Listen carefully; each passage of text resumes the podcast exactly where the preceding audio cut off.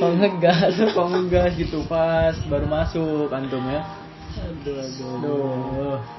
Nih di seplet selepet juga lah. Bintang Harnik Zulfia. Oh ya tadi kita mau kenalan dulu nih. Kenalan nggak kelar kelar Iya, kenalan iya, juga nih. bener. Ya lagi. Siap. kepotong lagi. Nama saya Adin Mutahudin ini juga eh, namanya Nah, nama saya Irsyad Nur Fauzi. Irsyad Nur Fauzi. Jadi kita Bisa- orang USA teman-teman. ya eh, bisa panggil saya Bang Bojim. Ini Kang Kang Icat. Kang Icat. Boleh pakai D, boleh pakai T. Oke. Nah itu eh, kita kenapa bahas yang mudah bicara karena sebenarnya tema dadakan sih karena tadi baru bikin tadi pagi posternya juga ya kan tema dadakan ini langsung nembak karena eh, kayaknya perlu banget kita eh, sharing tentang yang mudah bicara maksud di sini tuh kemarin saya udah bersama Kadisa udah membuat kelas online berbayar berbayar ini eh, gimana eh, Sarta tuh di ini kan Sarta apa nah? di Bina ya Nah, dibina untuk menjadi seorang pembicara. Kadang gini teman-teman. Nah, kadang gini Kak Zri. Jadi gimana ya? Kita itu ketika ada peluang untuk berbicara, kadang masih ada sebagian orang itu yang minder gitu. Mindernya ya adalah karena aku kan masih masih muda kak, masih banyak yang tua, takut nggak sopan kak kalau bicara dengan tua. Bener, eh, kalau berbicara banyak yang lebih tua dari aku, takutnya gimana asal merasa kayak ngenasehatin lah, ngeguruin lah, kayak enak kan kalau gitu. Makanya adalah teman-teman dari pemikiran hal seperti itu, saya se- beserta Kak Ajri bikin sebuah kelas eh, kelas online Hmm. yaitu yang muda yang berbicara. Dan itu kemarin baru bat- batch satu ya? Iya baru batch satu. Mohon doanya juga, insya Allah ini berkelanjutan ya Ah, programnya. insya Allah. Bermanfaat lagi. Nah, jadi tuh di batch satu kemarin itu alhamdulillah ada 12 orang yang daftar. Terus Hmm. 12 ini kita bagi dalam tiga kelompok dan itu eh, kita ajarkan sebagai pembicara. Enggak cuma di situ kita kan judulnya yang mudah yang bicara. Eh, tapi kita beri kelebihan yang lain kayak materi tentang admin, Iya. notulensi, terus apa? moderator. Moderator. Nah, gitu. Jadi kita eh, ngasih materi tentang kayak gitu. Penting soalnya kayak gitu. Nah, rencana eh, di batch kedua ini kita juga bakal tambah materi lagi nih yang spesial, yakni dengan tambahan entrepreneur. Nah, itu Nah, teman-teman. jadi gimana caranya tuh kita eh, eh, apa ya menyampaikan pendapat kita, opini kita di depan umum, di kelayak umum, tapi kita juga eh, sekalian meraup keuntungan dari situ. Nah gitu. Tapi bukan eh, menjual ilmu apa mengar apa sih ya ngambil uang dari ilmu, Nah, tapi kita berpreneur kayak gitu. Agar kebermanfaatan kita itu lebih luas lagi teman-teman. Nah, Nah, karena kalau kita nah, dalam tanda kutip gak mampu ya gitu Kak Zri, kita ya kontribusinya kurang Iya. eh bukan kurang kurang maksimal gitu. Kurang maksimal. Mm-mm. Sedangkan kita tuh nih teman-teman nanti boleh teman-teman periksa mulai dari apa ya surat al-jumuah kalau nggak salah Da- dan atau dalam Quran nih teman-teman kalau perhatiin eh kalau teman-teman perhatiin ya apa pun semua pembahasan tentang hij- eh, tentang hijrah tentang jihad itu pasti yang paling utama dan yang pasti paling pertama Allah sebutin itu adalah dengan harta betul, betul. makanya itu insya Allah ya Kak Azri Hmm, nah ini Kak Azri apa? tadi kan kita udah nih udah kita udah perkenalan terus tentulah yang muda yang bicara itu gak hanya ya kalau bahasa Sunda itu ujug-ujug gak tiba-tiba Iya, nggak tiba-tiba ada. Nah. ada. terus yang mewadahi ini tuh dari mana siapa siapa sih background kita dari mana terus siapa yang mewadahi program yang muda yang bicara ini Hmm. Wah, welcome tuh siapa tuh? Rahmi Najah 07, terus Melan Melan Puspita. Ya, selamat Hmm, datang, welcome. bergabung. Jangan lupa tap ya. Nah, jadi gini kita tuh ada yang mewadahi. Pertama karena kita santri di rumah Quran Care, nah, tentu saja kita diwadahi oleh eh, rumah Quran Care ya. Nah, di sini alhamdulillah saya berdua bersama Kang Icat ini eh, apa membuat apa namanya? Komunitas kali ya.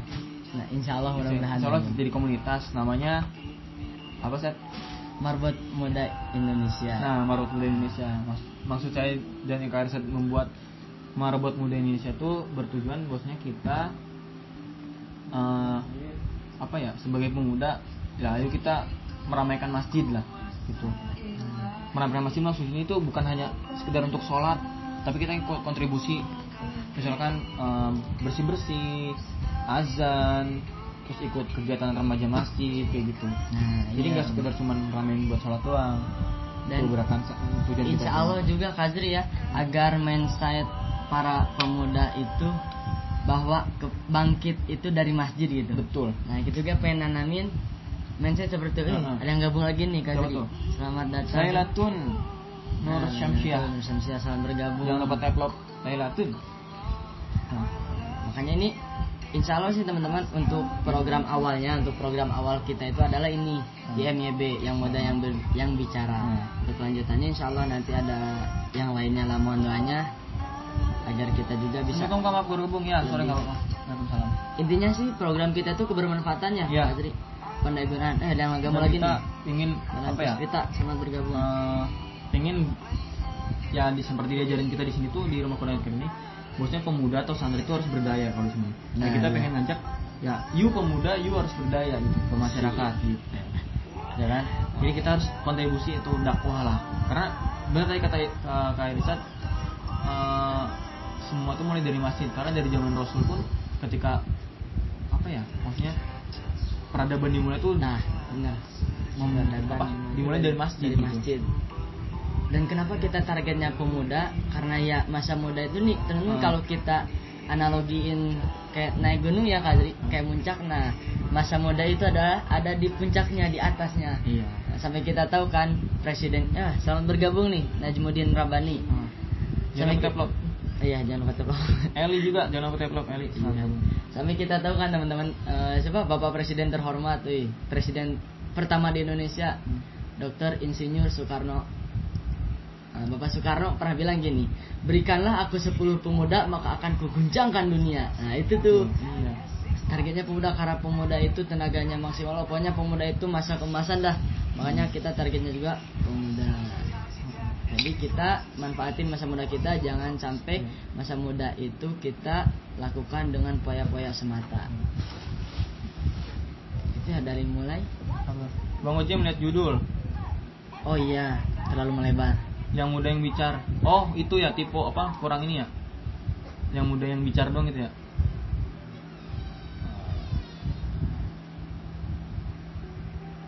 Gini ya berarti. 10 baru.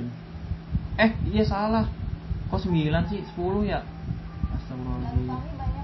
Tapi ini masih cukup ya? Coba. Kita edit dulu ya. Oke. Yang muda yang bicara. Eh, selesai dong. Bukan 9. Iya, iya benar benar. Makasih, makasih eh, MJ. MJ ku. Terima kasih. Oke, eh, tadi lanjut tuh tentang pemuda ya kan. Kita tuh ya bener eh, masa muda itu harus berdaya.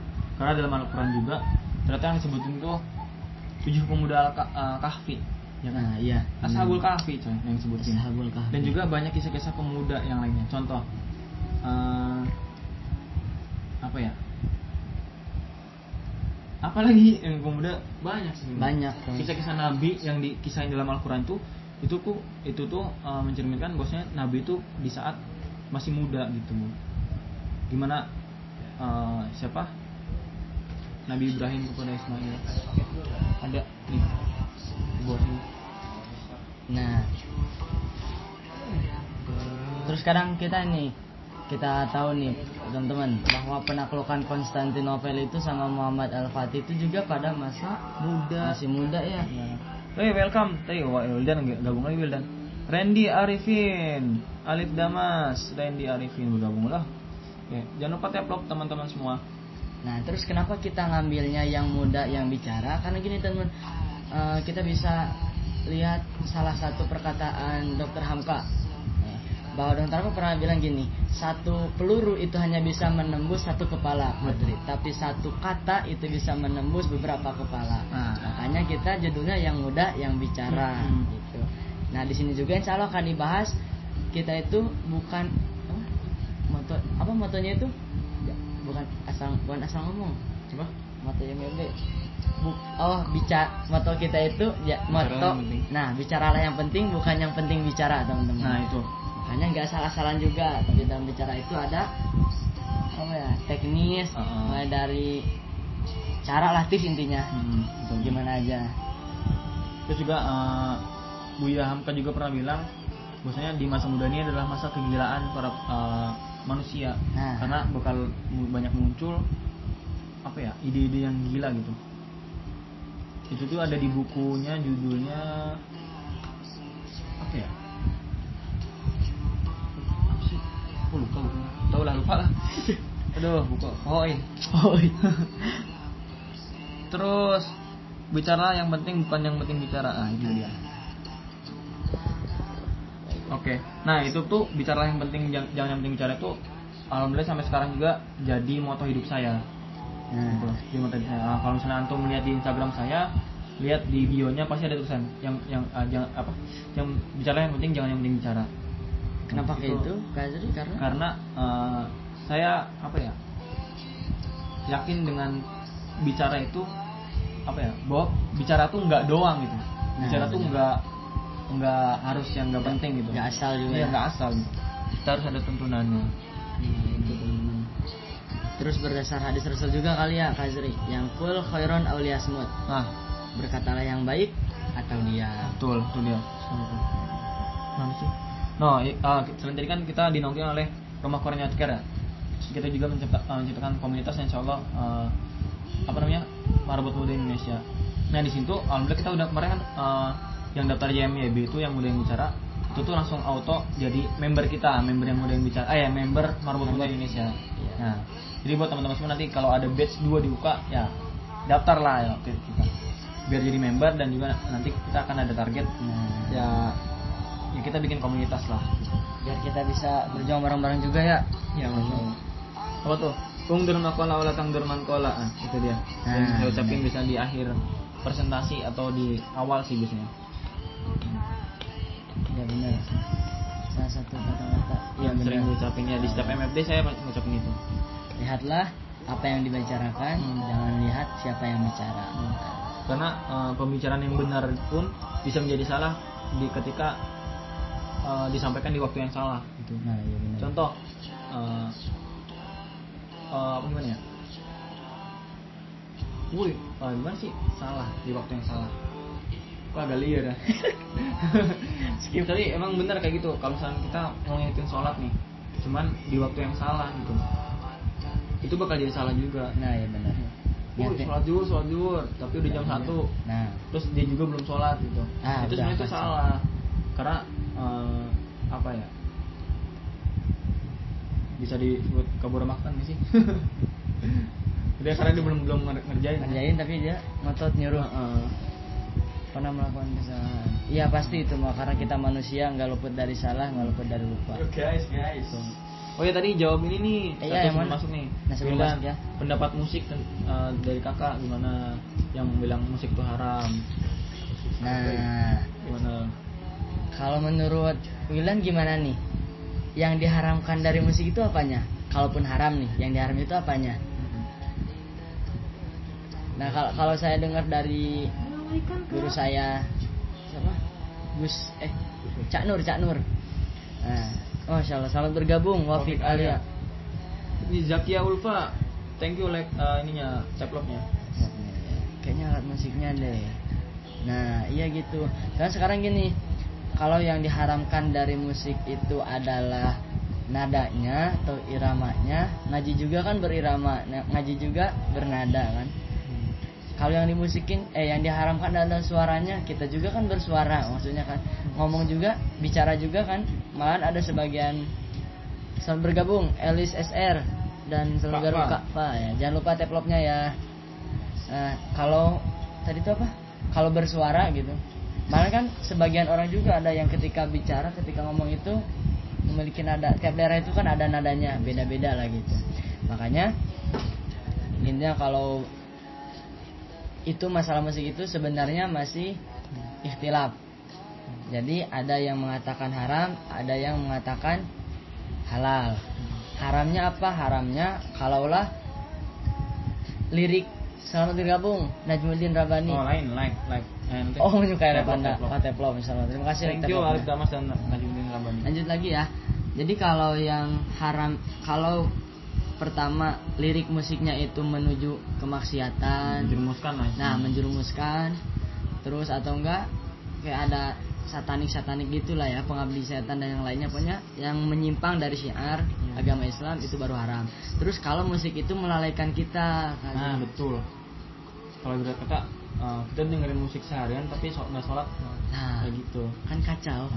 Terus juga kemarin viral tuh di uh, mungkin teman-teman semua udah sempat buka Instagramnya Fuad Bak atau YouTube-nya beliau uh, apa ya review dua lagu tuh.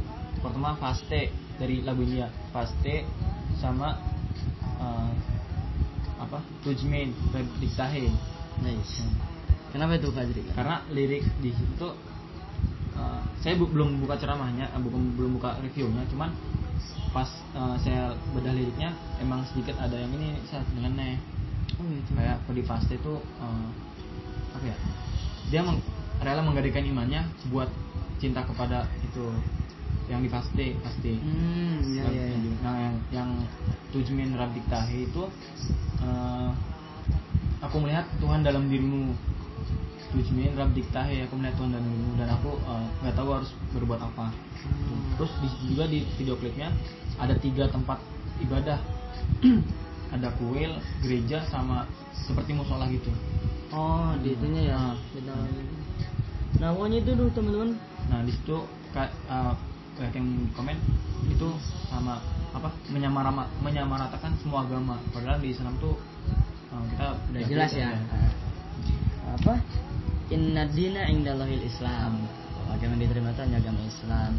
Terus itu tuh makanya nih hati-hati teman-teman. Kalau teman-teman yang suka musik-musik dari luar ya harus dilihat dulu tuh sebelum kita dengerin sebelum kita benar-benar sukai gitu kita maknai dulu apa nih artinya apa nih maknanya gitu Jangan- jangan kan sam- eh jangan sampai kayak tadi kita asal denger doang kayak kemarin tuh yang sempat ramai Kazri musik apa Despacito ah.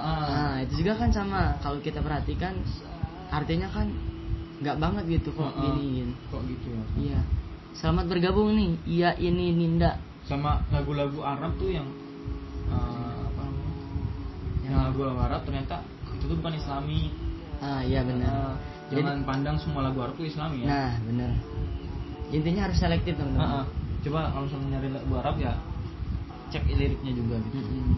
Makanya tadi intinya dalam musik itu ada dua pendapat. Kalau teman-teman mau ngambil yang haram nggak apa-apa.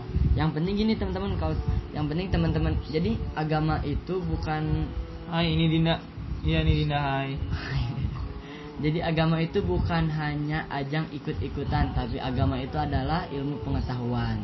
Jadi teman-teman harus benar-benar tahu dasarnya ketika mau ikut ini atau ikut yang mana. Karena itu akan dipertanggungjawabkan. Intinya itu selektif dan cari. Gitu. Ya, kayaknya kita terlalu jauh, Ah, ah, Bung. yes. Tapi wah, tadi ngingetin lagi bosnya uh, musik itu ikhtilaf ya. Ya. Yang di uh, sunahkan adalah ukhuwah. Nah, benar. Jadi jangan sampai kita mengutamakan ikhtilaf yang belum jelas. Maksudnya yang ada beberapa pendapat yang diperbolehkan dari uh, dibanding kita mengesampingkan ukhuwah. Sunnah loh ukhuwah. Jadi berkata kalau misalnya kita mau ke kantor, kita udah pakai baju tapi nggak pakai celana gitu. Nah, Karena melupakan yang wajib. Oke lanjut ke materi ya. sip. yang Kita udah bahas. bicara kita bahas yang pembicara nih kita tadi udah nguatin bosnya eh, pemuda itu ya saatnya apa masa kemasan lah gitu. Nah, iya. jangan sampai pemuda tuh netoy netoy dan kenapa kita kita eh, ciptakan konten kayak gini saat eh, karena eh, kata kausan kata pimpinan kita tuh yang viral di YouTube ini sekarang di Instagram di mana-mana Oh, tentang iya. bercandaan ternyata ya Nah. bener Jadi tentang prank-prank Nah, gitu doang teman-teman. Bukan gitu doang, apa ya? Unsur apa? Bukan kebermanfaatan ya? Kayak edukatifnya itu kurang gitu. ah dikasihnya Bos. Edukasi, edukatif. Edukasinya tuh kurang. Hmm. Makanya mudah-mudahan nih dengan adanya sharing-sharing gini intinya bisa bermanfaat buat teman-teman, terutama Hmm. Bermanfaat buat kita juga buat saya, buat Kak Azri, buat yang sharing lah intinya. Benar benar. Selamat bergabung. Yo tuh, Bintu Alfat. Sama Fazafiyah selamat bergabung, welcome. Jangan lupa develop tap love-nya. Nah, jadi gitu. Ternyata kalau uh, teman-teman semua buka YouTube coba deh. Yang viral-viral tuh yang ternyata uh, bercandaan gitu. Prank lah. Terus yang nggak jelas lah. Korea tuh Korea selalu trending mulu saya heran ya. Kenapa Blackpink. gitu? Enggak yang cowok. ya. Oh, ya, oh, Apalah, betul, tahu, betul. Budak para sholat. Nah itu. Budak tatan sunat. Oh, Bener kan? oh iya benar. Bener ya. Pada dua setan. Nah jadi yang terlalu tuh kayak gitunya. Kata pimpinan saya tuh mau jadi apa bangsa kita 10 tahun lagi eh 10 tahun lagi mau jadi apa bangsa kita kalau pemuda di zaman sekarang supaya bercanda terus gitu. Nah, Kapan kita seriusnya untuk uh, uh, masa depan bangsa kita? masa depan bangsa. Itu. Iya. Karena pas saya dengerin juga oh sangat miris sekali ya karena uh, konten di zaman sekarang bercanda semua. Ada apa? Biasa. Oh ada. Di dalam kulkas ya. Oh siap, bisa Dan ya. juga bisa menjadikan hubungan pertemanan hancur. Ya, iya benar sih. Bercanda karena ya kadang uh, seorang tuh nggak bisa apa ya nggak bisa menempatkan candaan itu di tempatnya gitu. Nah. kadang juga uh, kita ketika moodnya lagi buruk dicandain ya kalau misalnya uh, kirisannya suka bercanda nih, tapi moodnya lagi buruk terus saya bercandain ya bisa jadi marah dong Iya, kita nggak tahu ya kan Nah, terus kenapa lagi teman-teman kita ngambilnya yang ini karena menurut survei ini nih tahun tahun-tahun sekarang ya Hmm. sempat pemimpin kita eh pimpinan kita bicarain tuh wah tahun-tahun sekarang itu terutama di Indonesia itu tingkat ke tingkat apa orang dengan rentan usia muda itu paling banyak gitu. Uh, Jadi apa namanya mayoritas. bonus demografi Nah, namanya gitu. Bukan demografi makanya itu teman-teman. Sip. Jadi bonus demografi itu ada ada apa ya manfaat buat apa ya tantangan buat diri kita buat pemuda nih bosnya kita harus melek ini nih ekonomi ASEAN. Jadi ekonomi ASEAN ini kita eh, Indonesia tuh bebas jual beli di ASEAN. Dan itu pun eh, banyak yang merugikan kita karena banyak eh, asing gitu, asing gitu. Asik. asing. Asing asing gitu. Nah jadi eh, tantangan buat kita ya kita siapkan eh, kita apa ya wujudkan UMKM Indonesia banyak gitu. Jadi Cina-Cina yang datang sini tuh jadi budak. Jangan jadi bosnya gitu. Nah, ini. Ya memang ada orang-orang Cina yang sini jadi budak tapi bosnya pasti Cina juga Nah, bukan betul. Indonesia gitu makanya teman-teman semua di di rumah nih ya ayo kita bikin UMKM kalau nggak support UMKM teman kita saling support dan juga nah eh, kemarin dapat dapat becen nggak yang Yang ini mana? jangan belanja di Indomaret segala macam dalam waktu tiga bulan enggak. Enggak, jadi kemarin tuh ada becen tuh saat eh, jangan belanja di Indomaret, Iya. eh, Alfamart, apalagi tuh. Pokoknya yang yang punyanya Cina jangan belanja tuh selama tiga bulan. Itu acara ampuh di Malaysia dilakuin. Di Malaysia eh, ngelakuin kayak gitu selama tiga bulan dan akhirnya eh, Alfamart, Indomaret kayak terus Circle K segala macam eh, itu nurunin harga diskon sampai 50% karena nggak ada yang belanja ke situ lebih mengedepankan warung-warung di pinggir jalan Nah, iya gitu. warung-warung tetangga kayak gitu UMKM Kita mau kebalik. nah kita kebalik nah kalau mau kita ramein dua satu dua Maret Iya. gitu Sama bergabung nih kasih. siapa nih Indah Indah. ayo ber oh, ke sini. oh Antin ayo Antin Oh, wah. Antin Kirain. hmm. Nah itu teman-teman kita mau kadang kebaliknya. Hmm. ya back to tema back to Nah, tema.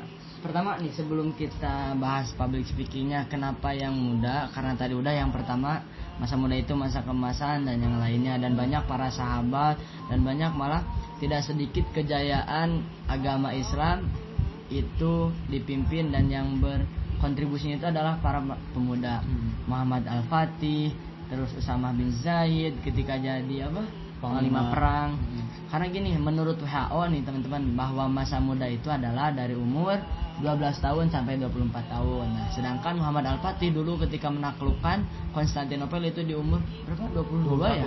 21 ya. 21. Kurang lebih seperti itu. Makanya yang muda. Jadi teman-teman yang masih berusia kurang dari 24 tahun manfaatkanlah masa mudanya. Nah, kalau teman-teman semua tahu, jadi gini, persiapan Muhammad Al-Fatih buat naklukin Konstantinopel itu enggak Nah, iya. tiba-tiba enggak ujuk-ujuk Nah, ya. benar. Tapi didoktrin dari sejak kecil. Bosnya dari umur 4 tahun, 6 tahun itu sama dua syekhnya, Syekh Syamsuddin sama Syekh siapa dua. Jadi ketika Muhammad Al-Fatih lahir, itu langsung di di asuh sama dua syekh. Satu namanya Syekh Syamsuddin. Itu uh, mendoktrin dari kecil, dari kecil dia pengen, "Nak, kamu adalah seorang pahlawan, seorang Satria yang bakal nakluk, naklukin Konstantinopel. Bocah 4 tahun, 6 tahun kira-kira ngerti nggak sih? Nah, gitu. Enggak kan? Enggak bakal ngerti kalau misalnya Konstantinopel. Kalau misalnya di sini juga kita masih ngomongnya ya Ayo. be- eh, eh, belum eh apa sih gimana ya? Masih awal-awal lah ya kan ngomongnya. bahasa vokal. Dari umur segitu udah di doktrin untuk menaklukkan Konstantinopel. Jadi doktrinnya sangat kuat dari kecil gitu. Nah, di pendidikan juga. Nah, makanya eh, di umur segitu wajar udah sanggup buat naklukin Konstantinopel. Nah, Ya kan bahkan Muhammad Al-Fatih dari semenjak balik hingga wafat nggak pernah meninggalkan sholat tahajud. Masya Allah banget kan. Dan terus dia juga eh bahwasanya itu lihat Muhammad Al-Fatih aja perlu doktrin dan yang sejak lama sejak lahir gitu, sejak kecil. Nah, buat teman-teman semua di sini kalau mau berdaya, mau menang, mau jaya, mau sukses, ya kita harus dapat doktrin dan kita harus dapat support dari mana pun dari pihak apa pun yang positif ke dalam otak kita agar kita nanti di masa yang akan datang bisa me- apa ya mengaksenkan uh, apa insight yang udah kita dapat Nah, gitu. dan kita bisa uh, berjaya gitu. Nah itu tuh selamat datang, selamat bergabung juga ke Kawafik. Ya, Wafik. Nah, jangan lupa talk. Nah kalaupun tadi ini teman-teman kita ah, apa Muhammad Al Fatih kan Muhammad Al Fatih itu dari umur 4 tahun lah kita sekarang gimana kak kalau yang umurnya udah udah hampir 20 udah 19 jangan apa jangan berkecil hati Ah, ya hati. karena tidak ada kata terlambat nah, dalam sebuah perubahan dalam menuntut ilmu juga Nah ada. iya gitu. Selama kita ingin berusaha pasti di sana ada jalannya. Jika perubahan merupakan sebuah keharusan, maka menuju lebih baik adalah ikhtiar yang mesti dilakukan. ini Nah, sih. itu quotes of the day dari Kang Icat. Nah, bisa diulang Kang Icat? Iya sih. Hilap. Udah lupa. Lupa guys. Aduh. Aduh. Oke. jika- Baik, nah sekarang yang bicara tadi ya bicara itu teman-teman kalau dalam bahasa Inggris artinya speak. Sedangkan speak kalau speak speaking ya berbicara.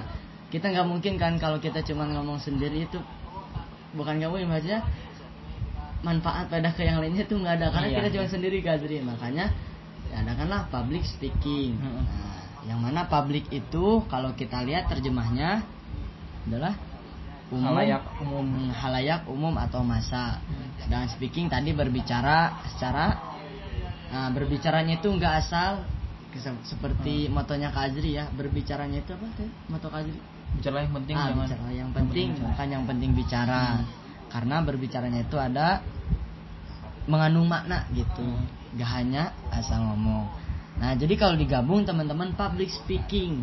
Nah, itu maknanya tata cara melakukan bicara di depan umum secara runtut dan terencana dengan tujuan tertentu. Nah, gitu. Jadi bisa kita ambil be- benang merahnya gini teman-teman. Ketika kita berbicara tentang public speaking, maka yang pertama adalah persiapan. Persiapan dari mulai mental, materi, dan goalsnya. Semangat bergabung. Siapa? Siapa nih? Uswatun Hasanah. Ah, Dan Teh Nur. Ti Oh, Tika nih, Tikanya, Oh, Tika. Tika Nurasana ya. Nurasana semua nih. Masya Allah. Ini kembar kali kak? Bukan, bukan. Oh bukan. Jadi gitu teman. Jadi ketika kita berbicara tentang public speaking tadi intinya pertama persiapan. Persiapannya dari mulai mental kita, terus eh, apa materi, terus yang selain materi apa ya bisa kita sebut survei teman-teman. Maksudnya survei itu jadi kita tahu nih target kita siapa. Nah, jadi kita Goalsnya, goalsnya. nah goalsnya juga. Jadi kita nanti bisa menyesuaikan. Sekarang kan nggak mungkin masa kita eh bukan tadi apa mustami apa mustami itu Apa? pendengar Ah, Iya pendengar lah ya Gak mungkin kan kalau pendengarnya bapak-bapak Terus kita gini gini Ayo bapak-bapak Kayak ke anak Iya, TK ya. iya. Jadi kita harus Nah juga. makanya persiapan yang pertama itu paling penting tadi Dari materi juga Nah kalau bisa nih teman-teman Maksimal itu sebulan lah Eh bukan maksimal minimal Minimal itu kalau kita bagi bagi kita yang pemula itu sebulan Untuk persiapan Hmm. materi agar benar-benar matang. Terus sekarang gimana nih Kazri katanya kalau biar kita nyampeinnya enak. Cara persiapan, cara memilah, memilih materinya. Berarti eh, kalau misalnya kita pengen tahu, hey selamat bergabung sama nih Bil Azki. Alhamdulillah sih. Jangan lupa tap. Ya. Nabil ya, Bil Azki itu siapa Nabil? Eh, cara memilih misalkan eh, apa konten lah istilahnya Nah, iya. materi yang eh, apa yang pengen sampaikan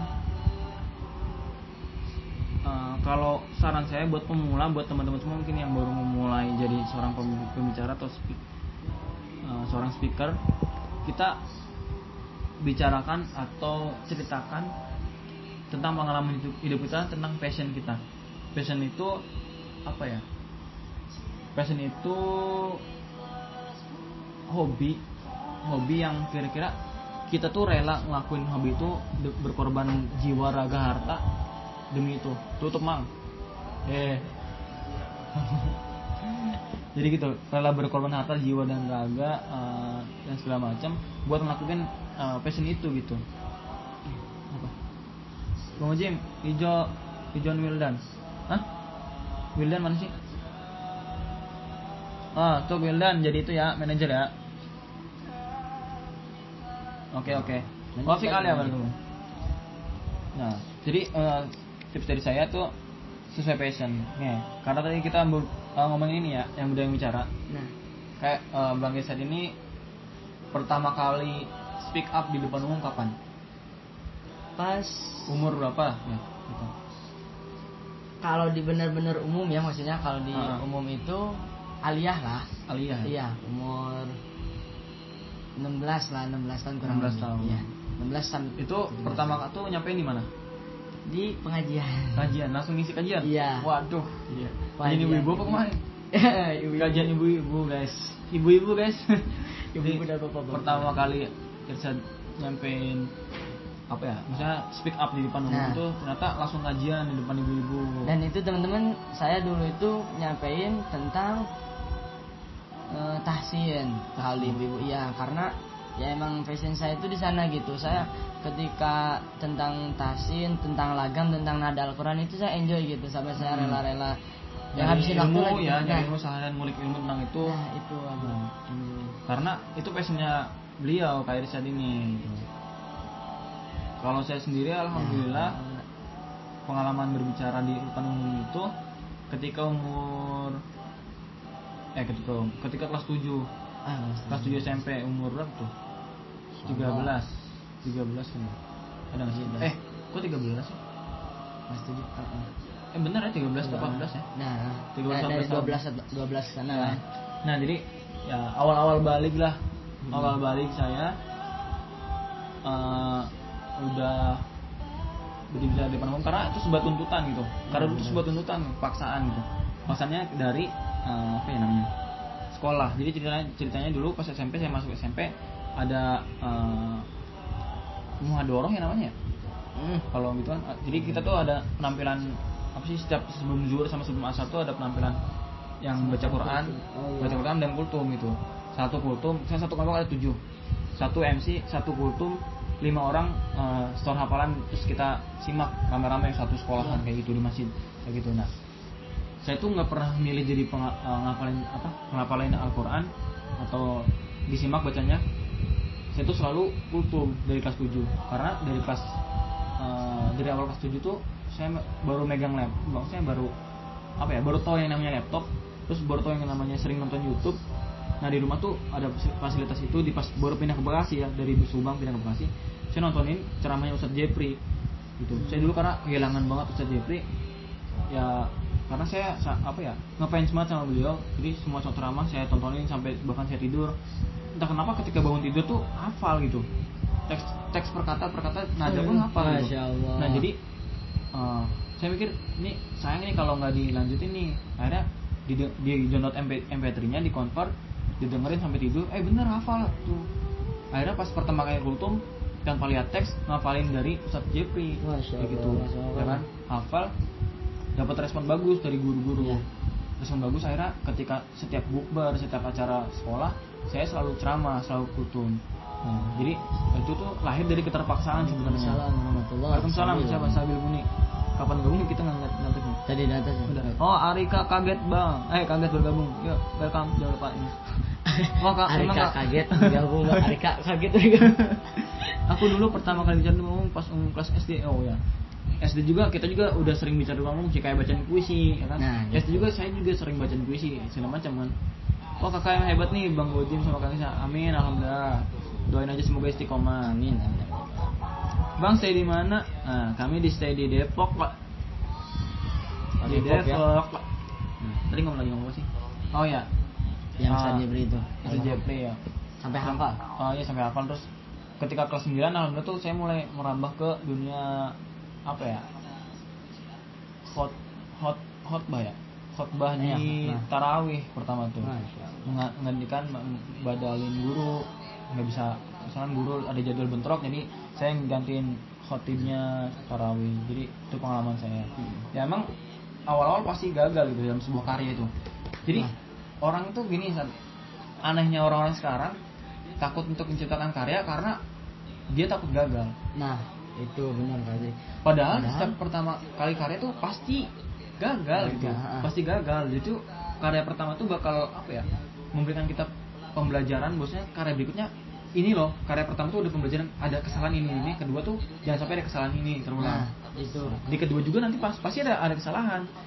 Ada kesalahan gini-gini. Oh ternyata kesalahan di, di satu tuh nggak cukup segitu kesalahannya. Ada lagi kesalahan kayak gini. Kalau kita ngelakuin kayak gini. Terus berkelanjutan. Nah, bahkan sampai sekarang penulis hebat penyanyi hebat eh, apalagi Itu pembuat aja. film hebat pasti ada punya kesalahan di Pasti. setiap ininya gitu Nah, kalau bicara hebat juga ada Heeh. kesalahan Dan itu juga Zri siapa? Penemu lampu tuh. iya Yang- Thomas Alva Edison Nah, beliau juga kan di ekspedisi ke berapa? Seribu, Seribu. lebih ya.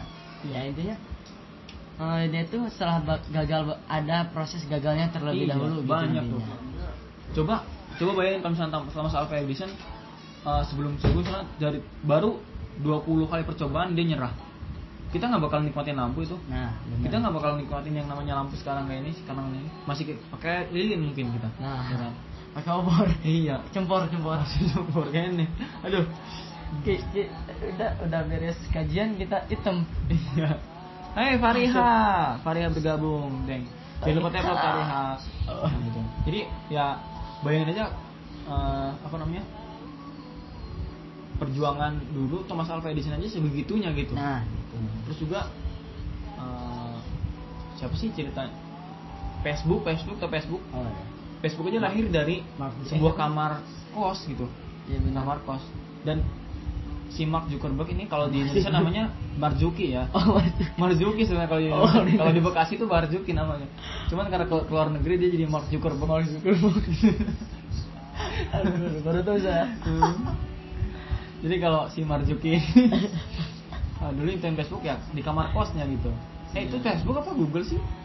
Kalau asal muasal Google apa asal muasal Facebook pokoknya si Mark Zuckerberg juga ada tuh sebuah quotesnya dulu saya pernah mengajak lima teman saya untuk ber eh, apa ya ber, eh, membuat bisnis cuman hanya dua orang yang datang dan kedua orang itu ada- disebutin namanya siapa lupa Iya. dan penghasilnya eh, per bulan tuh udah triliunan kalau di rupiahin ya Iya. itu dua orang tapi yang tiga, tiga temannya yang ini yang nggak ikut malah jadi karyawan kayak gitu Oh. jadi jangan sampai ada kesempatan yang apa ya membuat kita menyesal lah Nah, gitu kan. jangan sampai kita ah, makanya kenapa di batch kedua nanti yang udah bicara bakal kita jadi entrepreneur karena Hmm. Rasul dari umur berapa eh 6 tahun 9 tahun sih. 9 tahun Sembilan udah tahun ikut ya kalau nggak salah. namanya jualan Iya, 9 tahun 9 tahun. 11 tahun keluar negeri Nah, 11 tahun keluar negeri eh 9 tahun apa sih 12. 12 ya 12 tahun 12 keluar negeri keluar negeri, Ke negeri. keluar negeri pun jualan Jualan. gitu. Nah, makanya di program rumah Quran Care ini kita wajib keluar negeri untuk Nah. meneladani sifat maksudnya uh, kisah Rasul yang dulu bahwasanya Nah, Rasul iya dulu dong. Uh, umur 12 tahun udah keluar negeri. Kalau misalnya antum di sini umurnya 24 tahun harusnya udah dua kali dong keluar negeri. Nah, iya benar. pertanyaannya udah berapa kali antum keluar negeri? Nah rencana itu uh, kalau misalnya kesempatan ya ya kita ngajak member yang udah bicara nih yuk kita fight ngumpulin uang keluar negeri Allah. bareng Amin, amin, amin. ya minimal buat ke Singapura Malaysia lah. Nah, itu tuh cuma cukup 3 juta teman-teman ternyata 3 juta tuh udah cukup selama 4 hari 3 malam di Singapura dan Malaysia 3 juta kalau misalnya an- antum nih. Eh, bagi dalam setahun deh ya 3 juta dalam setahun ya Allah. Masa nggak nggak sanggup sih ya? Atau 6 bulan deh 3 juta 6 bulan nih. Berarti sebulan tuh kalau antum harus ngumpulin 500 ribu. 500 ribu tuh kalau dibagi per hari sekitar 5 bagi 3 tuh 5 50 ya? nggak nyampe dua puluh ribu. Enggak enggak. Ya kan? Heeh, 15 Nggak ribu lah. Coba antum ngumpulin dua puluh ribu. Sebulan uh, kita berangkat misalnya dalam sehari kita berangkat mana lah penghasilan dua puluh ribu. Kalau misalnya dalam hari, itu lebih gimana kan Nah. Selama dua puluh ribu kali sebulan enam ratus. 600. enam ratus dikali enam bulan. Berapa tuh tiga juta enam ratus. Iya, itu udah cukup banget buat empat hari tiga malam di Singapura Malaysia. Nah itu teman-teman gitu jadi kita jangan mikir ribet. Nah, kadang gitu gitu ya kak. Jadi belum kalau bahasa kalau apa peribahasa dalam bahasa Sunda ini kumiok sama meh dipacok ya. Jadi kita tuh kadang belum nyobain tapi udah takut duluan ah ini mah ribet ini gitu padahal kalau dicobain itu gampang banget ya Hmm, benar benar. Welda, Welda, welcome, welcome, welcome. Selamat bergabung Welda. Nah, back to tema, Tema. yang udah yang bicara. Kembali ke eh, laptop. kenapa public speaking itu perlu? Karena semua pekerjaan di dunia ini ternyata perlu public speaking. iya Pekerjaan antum sebagai bergabung editor. Kurnia Bang, editor tuh nggak ini bang, nggak nggak usah ngobrol bang. Kata siapa? Editor ini perlu ngobrol karena sama atasannya perlu ngobrol, Nah. perlu public speaking untuk mempresentasikan hasilnya. sip Nah, kedua sebelum masuk kerja ada wawancara. Ya, wawancara ini perlu ilmu public speaking teman-teman. Kayak gitu. Nah, jadi sangat penting banget ya jarang kembali jangan yang lurus pelaku public speaking. nah Nah, pelaku public speaking ini eh, biasanya itu apa ya? Siapa aja sih yang eh, expert di bidangnya public speaking ini? Yang pertama orator. Oratornya bisa kita temuin banyak sih orator-orator. Nah, biasanya istilah orator ini biasanya muncul ketika demo doang. iya, benar. demo doang ya, bener ya? Ada, ada orator pakai toa ya kan gitu. Nah, selain orator juga kedua apa, Bang? ada ahli pidato eh sama ya Iya. presenter nih teman-teman penyaji program konot konotasinya itu berkaitan dengan media massa elektronik ya presenter Apa namanya? yang, di- yang bawa acara Yang host host host juga ya benar Ah, host. host. Terus yang wawancara apa? Reporter Reporter itu tuh, reporter juga. reporter Perlu. juga itu perlu banget itu Bahkan di Indonesia disediakan jurusan khusus untuk public speaking oh banyak. nah Ada komunikasi kebudayaan Islam, Nah, itu. jurnalistik, banyak banget. Nah selanjutnya juga selain tadi pertama orator, terus kata Bang Yesat presenter, ketiga tuh motivator atau instruktur gitu. Figur ini tuh apa ya? Memberikan motivasi kepada khalayak umum lah. Karena ke- orang tuh eh, seseorang tuh pasti mengalami masa futur nah ternyata. benar Dan pasti itu perlu insight pasti. untuk bangkit, Bangkit. apa istilahnya terbakar semangatnya Semangat, termotivasi ya. gitu ya. Nah. Ternyata kalau misalnya antum teman-teman semua ikut kajian, ikut ikut seminar motivasi pasti pulang bawa inspirasi nih, Iya. bawa motivasi yang dibawa uh, mikir dapat termotivasi apa dan itu harus segera action teman-teman. Karena Nah. beberapa kalau udah beberapa hari, beberapa minggu bakal hilang semangatnya. Makanya kalau guru saya itu pernah bilang gini Kak Zri bahwa motivasi itu bertahan hanya maksimal maksimal itu tiga hari Tiga hari tuh. makanya kalau kurang dari eh kalau lebih dari tiga hari kita belum action ya udah hilang lagi auto ini nih tambahan dari siapa Wildan Orator iya, Rasulullah iya, Suhail bin Amr. Hmm. Kalau kalau oh, atau gimana. Nah, dan ini teman-teman bonusnya nih buat kita karena kita moto kita itu eh, setiap sesuatu yang kita lakukan bonus buat kita terutama yang beragama Islam ya. Kadang kita suka mikir gini bahwa tugas yang ngajak, tugas ingetin itu hanya ustadz doang, kali hanya betul, syekh betul. doang, hanya kiai doang, hanya ajengan kalau Betul.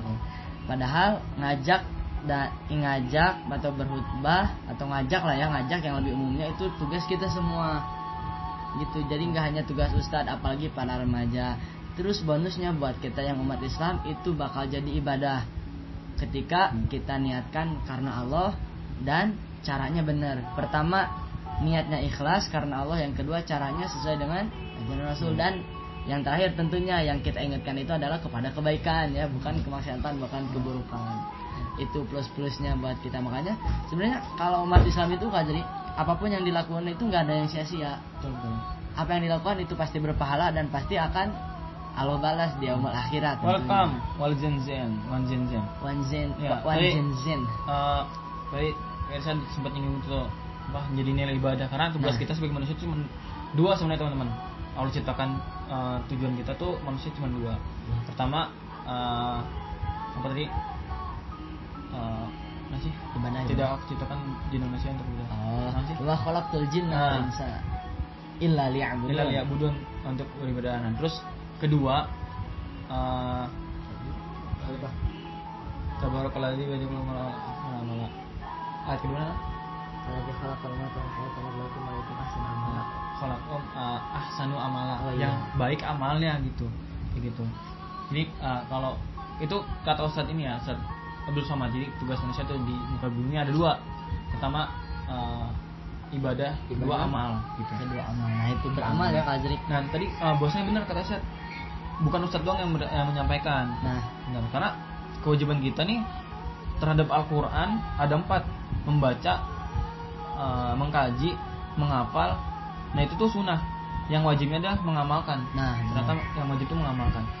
Sampaikanlah dari kuwalau balik walau anni eh apa sih? Ya, walaupun satu ayat lainnya itu. satu ayat. Hmm. Ba oh balighu anni walau ayah. Ah. Sampaikanlah dariku Satu satu ayat. ayat. Nah, itu terus dan kalau ini nih Kak Azri tambahan kalau moto sekolah moto moto apa moto sekolah saya dulu Hmm. hayatuna kulluha ibadah. Apa tuh? Oh, seluruhnya hidupku itu hanya untuk ibadah. Hmm.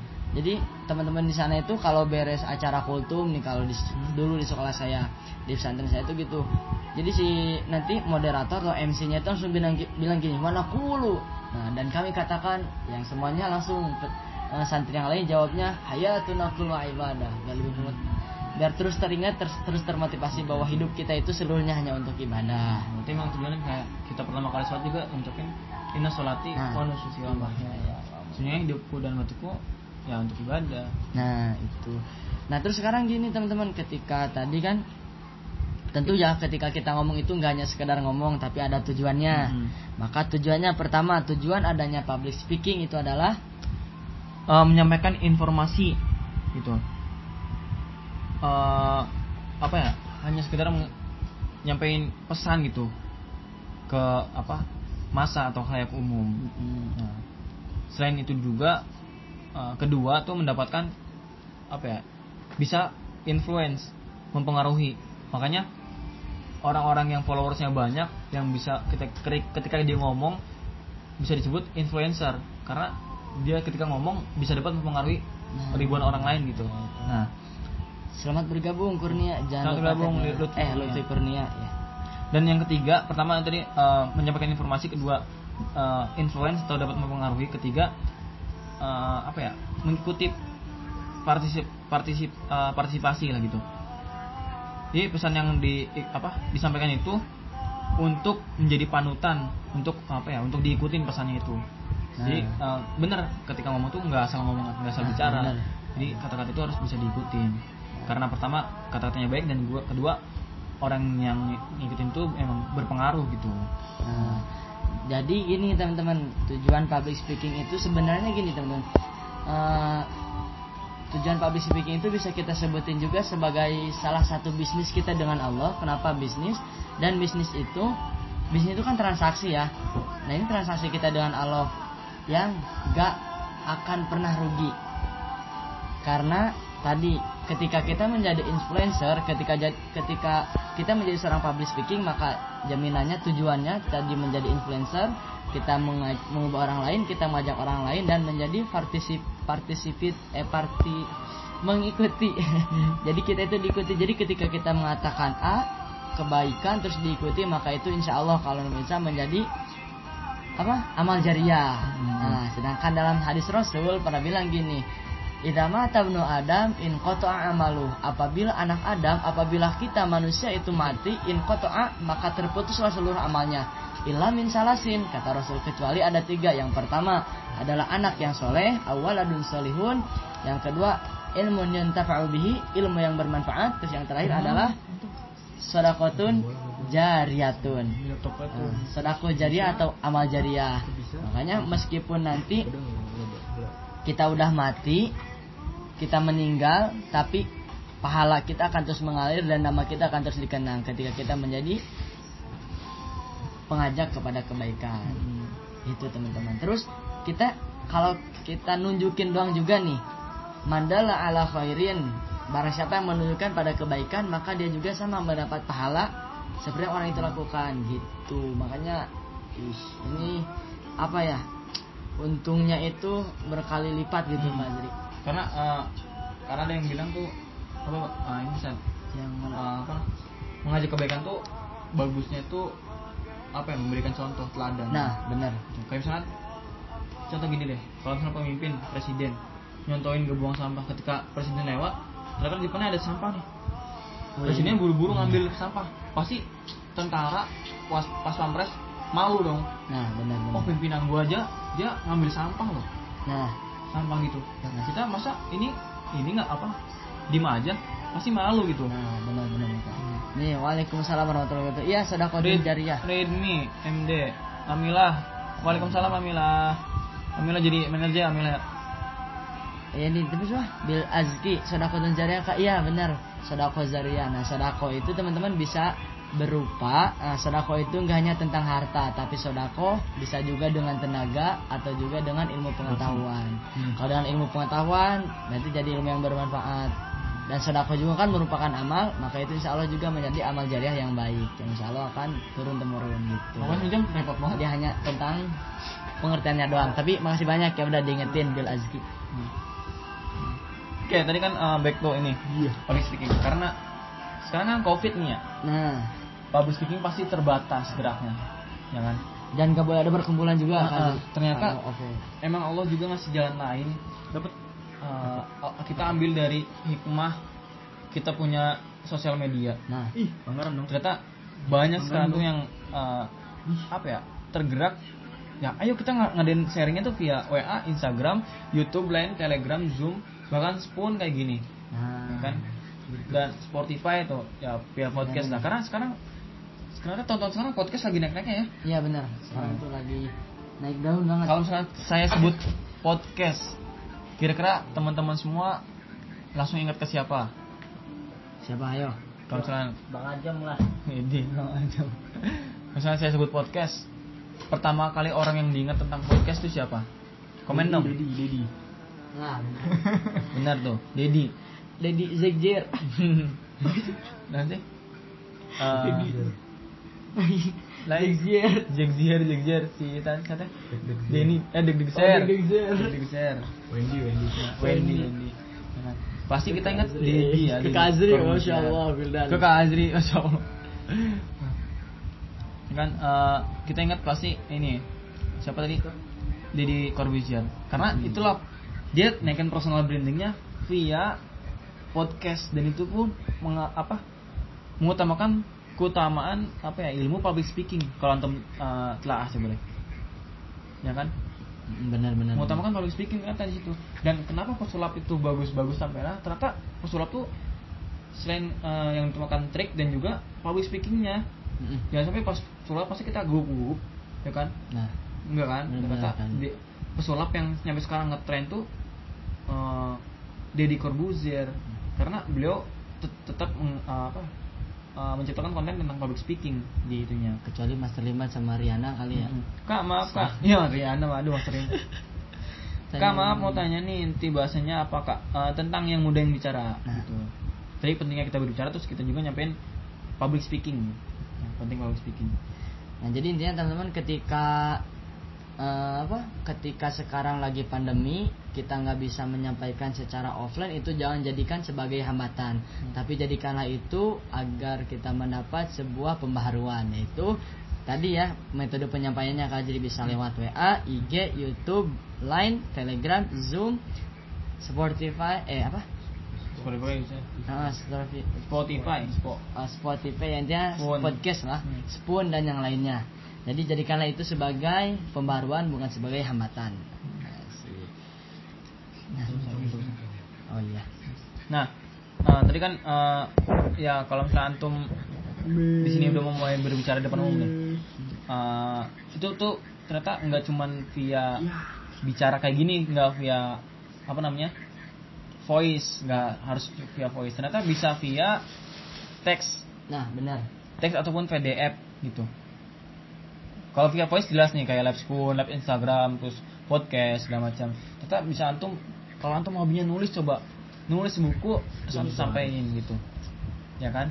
Terus juga teks. Coba kalau antum pengen mulai public speaking, pengen mulai rutin eh, apa ya beri- di di depan umum antum utarin opini antum tentang apa pun itu yang kejadian hari antum mungkin dia apa diari bisa jadi diari kejadian hari hari ini kejadian apa nih yang kira-kira jadi wow banget di hari ini Nah, benar. jadi gitu antum ceritain di uh, story, Story. tulis kayak gitu itu buat di tantangan diri antum sendiri Mm-mm. Tuh. Jadi ntar yang lain juga bisa mengambil manfaatnya juga, hikmahnya. hikmahnya. Kamu nanya menurut kakak gimana sih baik mana jurusan dak eh, PAI dan komunikasi dakwah kak jelaskan kenapa ini ini kayaknya baru ini nih baru lulus sekolah nih si Alif Damas nih ya Gini say nih, say mau- thank you. langsung Lia bergabung Lia bergabung. Mau langsung yang dong guys. Q&A ya? Q&A atau ya udah Q&A aja 10 ya. menit lagi lah maksimal. Ya udah. 15 nih saya terakhir nih teman-teman terakhir ya. Saya, saya mau sharing pengalaman saya tentang public speaking Ah, tadi iya. Nah, tadi kan saya kalau berbicara langsung di depan umum, di depan ibu-ibu yang benar-benar halayak umum gitu teman-teman tadi sempat disinggung juga sama bareng Kak Azri tadi di awal-awal yaitu di umur ke eh, umur 16 tahun kurang lebih ya kelas 3 aliyah. Nah, tapi kalau kalau berbicara tentang bicara di depan umum itu sama seperti tadi Kak Azri dari semenjak kelas 7 MTS atau kelas 1 MTS ya. Karena emang program-program di MTS di pesantren gitu apalagi ya terutama. Itu suka ada program tadi habis sholat itu ada acara ada yang moderator jadi MC, ada juga yang baca tilawah Al-Qur'an. Ada juga yang ada ada juga yang tilawah Al-Qur'an, terus ada juga yang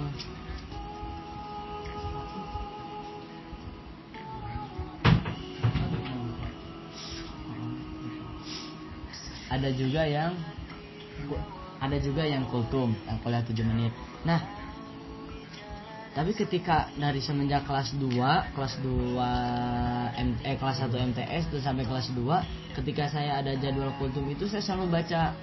Selalu baca karena pertama emang kurang dari persiapan. Emang kurang dari persiapan dan masih belum kurang pede juga.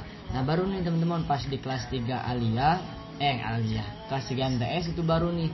Saya pas ada jadwal itu benar-benar persiapan dan Mm, emang benar kayak kultum gitu. Dan persiapan jadi pas kita emang benar-benar persiapannya udah matang teman-teman pas nyampainya itu enak banget gitu Hmm, kita ikut enjoy Betul, betul. pokoknya ya pas beres juga kitanya puas gitu karena kita emang udah dipersiapin Hmm. makanya itu intinya persiapan itu penting banget Hmm.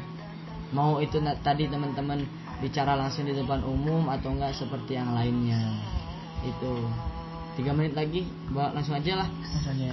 ya boleh sok Q&A. nah, oke, Oh, kita ya? langsung ini ya Oh, gimana Q&A. Iya. Ya lanjut ke langsung Q&A aja ya. Ya. Buat teman-teman semua yang mau nanya-nanya bisa langsung di typing aja ya karena kita iya eh, apa ya HP-nya kurang nih buat nah, bener fasilitas ke admin atau bertanya ke admin atau bisa ke WA ya. boleh ayo tadi dia Itu aja nih. biasa disematkan dan nomor WA. Hmm, bisa. kita makin Bisa bisa bisa. Video. Nah, jadi teman-teman semua yang mau nanya bisa via ini. Bisa di typing atau bisa chat. Nomor ini nih nomor 08 sembilan 9 enam sembilan satu 91 tiga enam delapan 368 sembilan delapan tujuh. 987 nah di situ ya. Via WA ya ya via WA ataupun bisa ngechat admin admin MFD ada Nah. Kak Amilah. Kak Amilah ada Kak Amilah? Nah di MJ tuh Kak Amilah.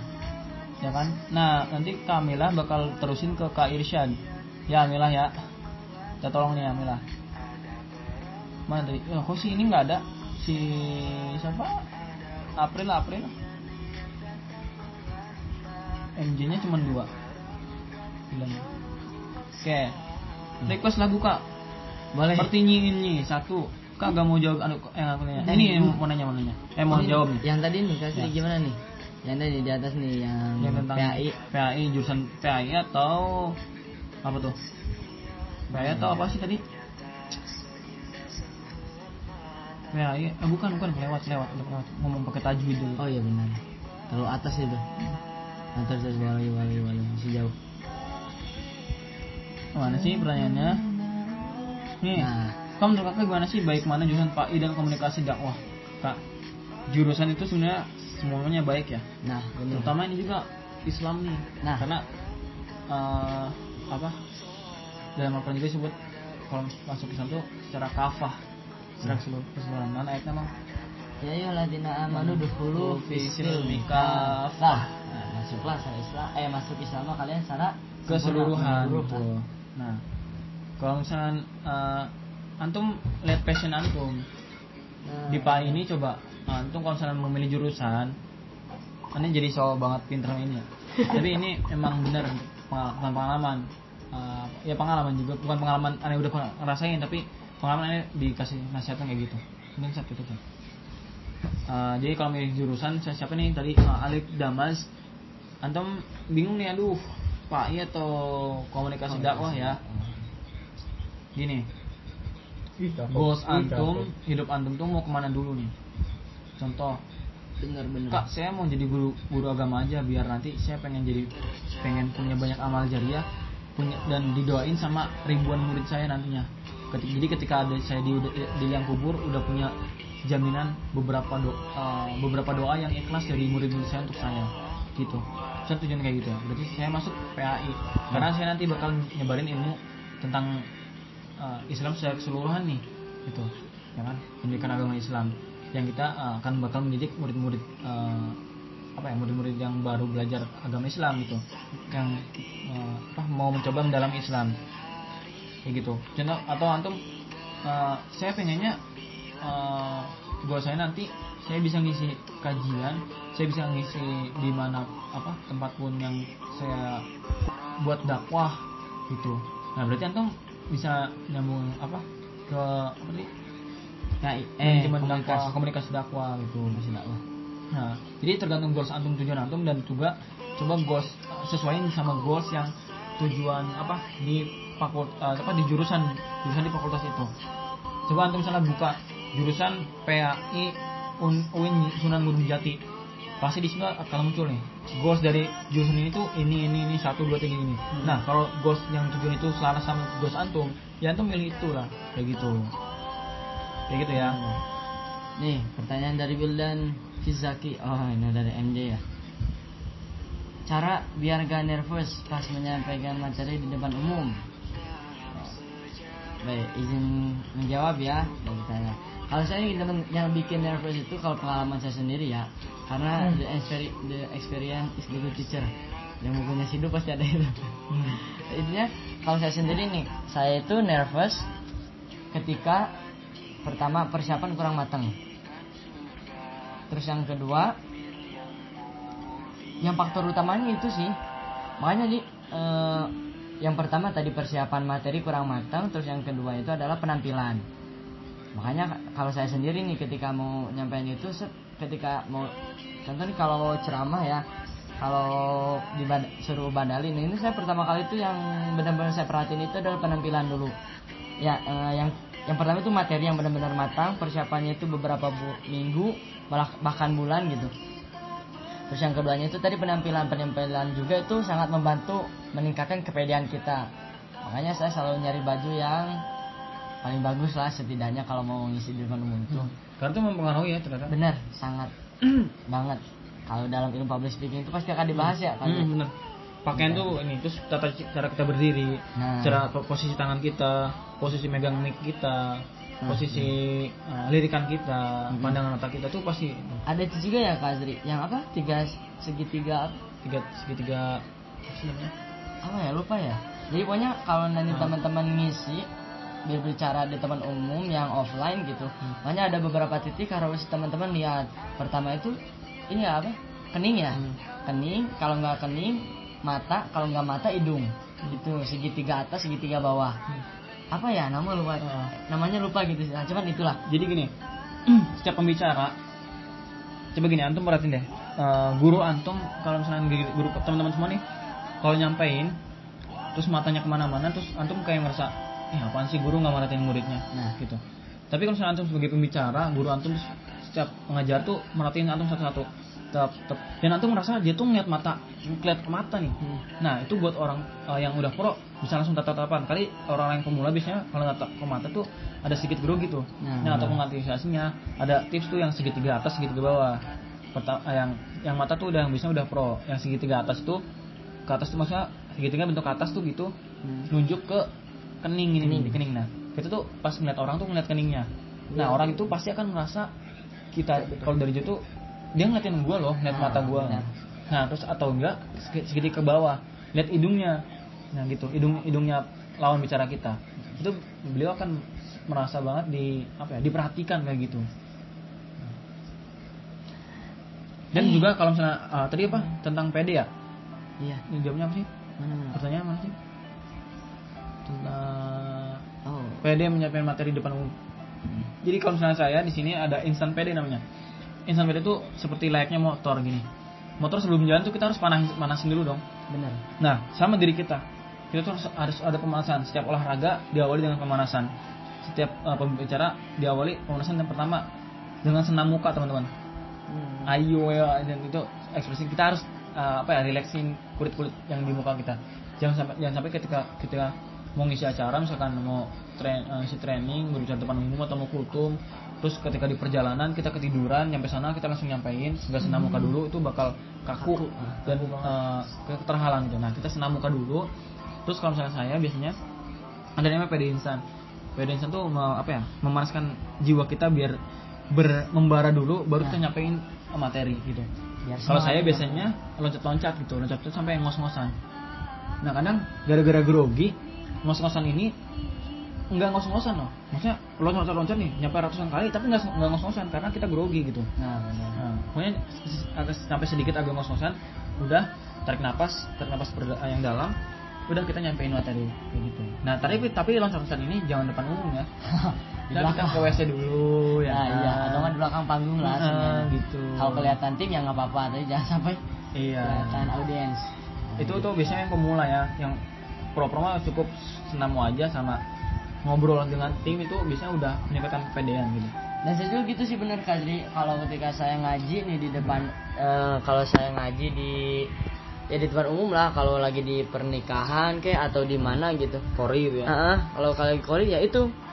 Jadi bener-bener dilepasin suara itu. Hmm. Dan ya Alhamdulillah sih biasanya hilang juga Kalau ke sananya. Jadi paling, paling cuma groginya itu hanya di detik 1 sampai ke 5 atau 10 lah nggak nyampe satu menitan gitu. Iya benar benar.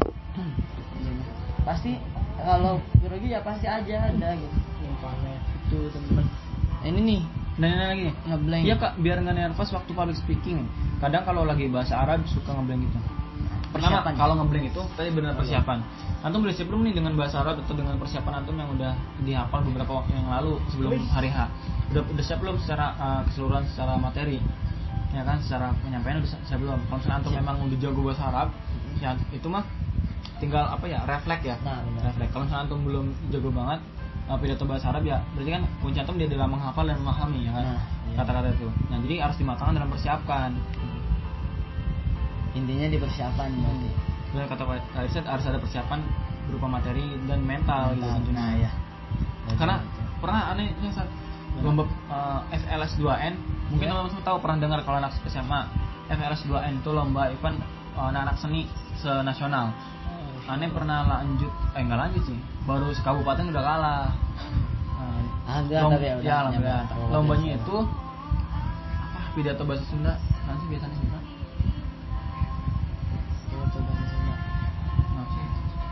Pokoknya pidato bahasa Sunda dah. ya itulah Gini, Bekasi memang termasuk Jawa Barat. Cuman bahasa Sunda di Bekasi itu udah tergores sama bahasa Betawi. Waalaikumsalam Ya kan? Nah, lanjut lanjut saya emang emang orang Sunda, orang dari Subang. Saya biasa ngomong Sunda. Tapi karena waktu itu jujur nggak apa ya, mepet banget persiapannya dan di situ dan lawan-lawan saya ketika saya dengar saya kan peserta ke berapa ya? Saya itu peserta peserta pertengahan pokoknya 8 atau 9 gitu. Nah, ketika, ketika tampil lihat yang dulu-dulu tuh yang awal-awal ternyata pakai Sundanya yang, yang halus. Halus, ya. Terus bagus-bagus. Itu langsung ngedown mental, ngedown banget tuh. Karena pertama kali lomba terus lihat lawan-lawan kayak gitu. Ngedown terus men, uh, mentalnya turun. Ketika nyampein bener lupa. Pertama emang kurang persiapan materi, kedua Iya. men- persiapan mental secara mental kurang. Nah. Nah, bener mundur akhirnya saya presentasi pakai bahasa Sunda sehari-hari saya yang terbilang cukup kasar bahasa Sundanya nggak sesuai teks yang udah saya hafal karena ngeblank tuh ya udah akhirnya Wow. gugur dong gitu. Nah, ini nih Gazri tadi ada Fariha ah, dari Fariha nih. Kalau aku paling nggak bisa misal belajar lab gini soalnya susah kalau nggak berteman sama dia. Nah eh, ini jadi apa ya izin menanggapi ya bahwa dalam o- orang itu kan berbeda-beda nih teman-teman. Ada yang mereka itu ada auditori, ada kinestetik, ada visual. hmm, benar Nah, kalau yang visual itu biasanya mereka cara belajarnya itu lebih enaknya itu lihat langsung pematerinya. Kayak ini eh, Fariha. Fariha ya. Jadi kalau cuma denger itu kayaknya kurang gitu Kak Zri. iya benar Gak enak atau enggak ya sedikit bukan nggak ada yang masuk ya tapi sedikit gitulah yang masuknya yang dipahaminya itu sedikit nah kalau orang yang auditoria yang yang lebihnya di pendengaran itu dia lebih enak dengerin sekalipun dia sambil tiduran yang penting dia dengerin gak lihat pun gak apa-apa kalau yang kinestetik itu biasanya lebih ke eh, apa ikut action nah, ikut action langsung praktek di lapangan. Dia lebih mudah belajar kayak gitu. Nah, itu kan motorik pembelajaran orang itu kan seperti Beda-beda, itu. ya. Nah, beda-beda tiga. Cuman bukan bukan apa?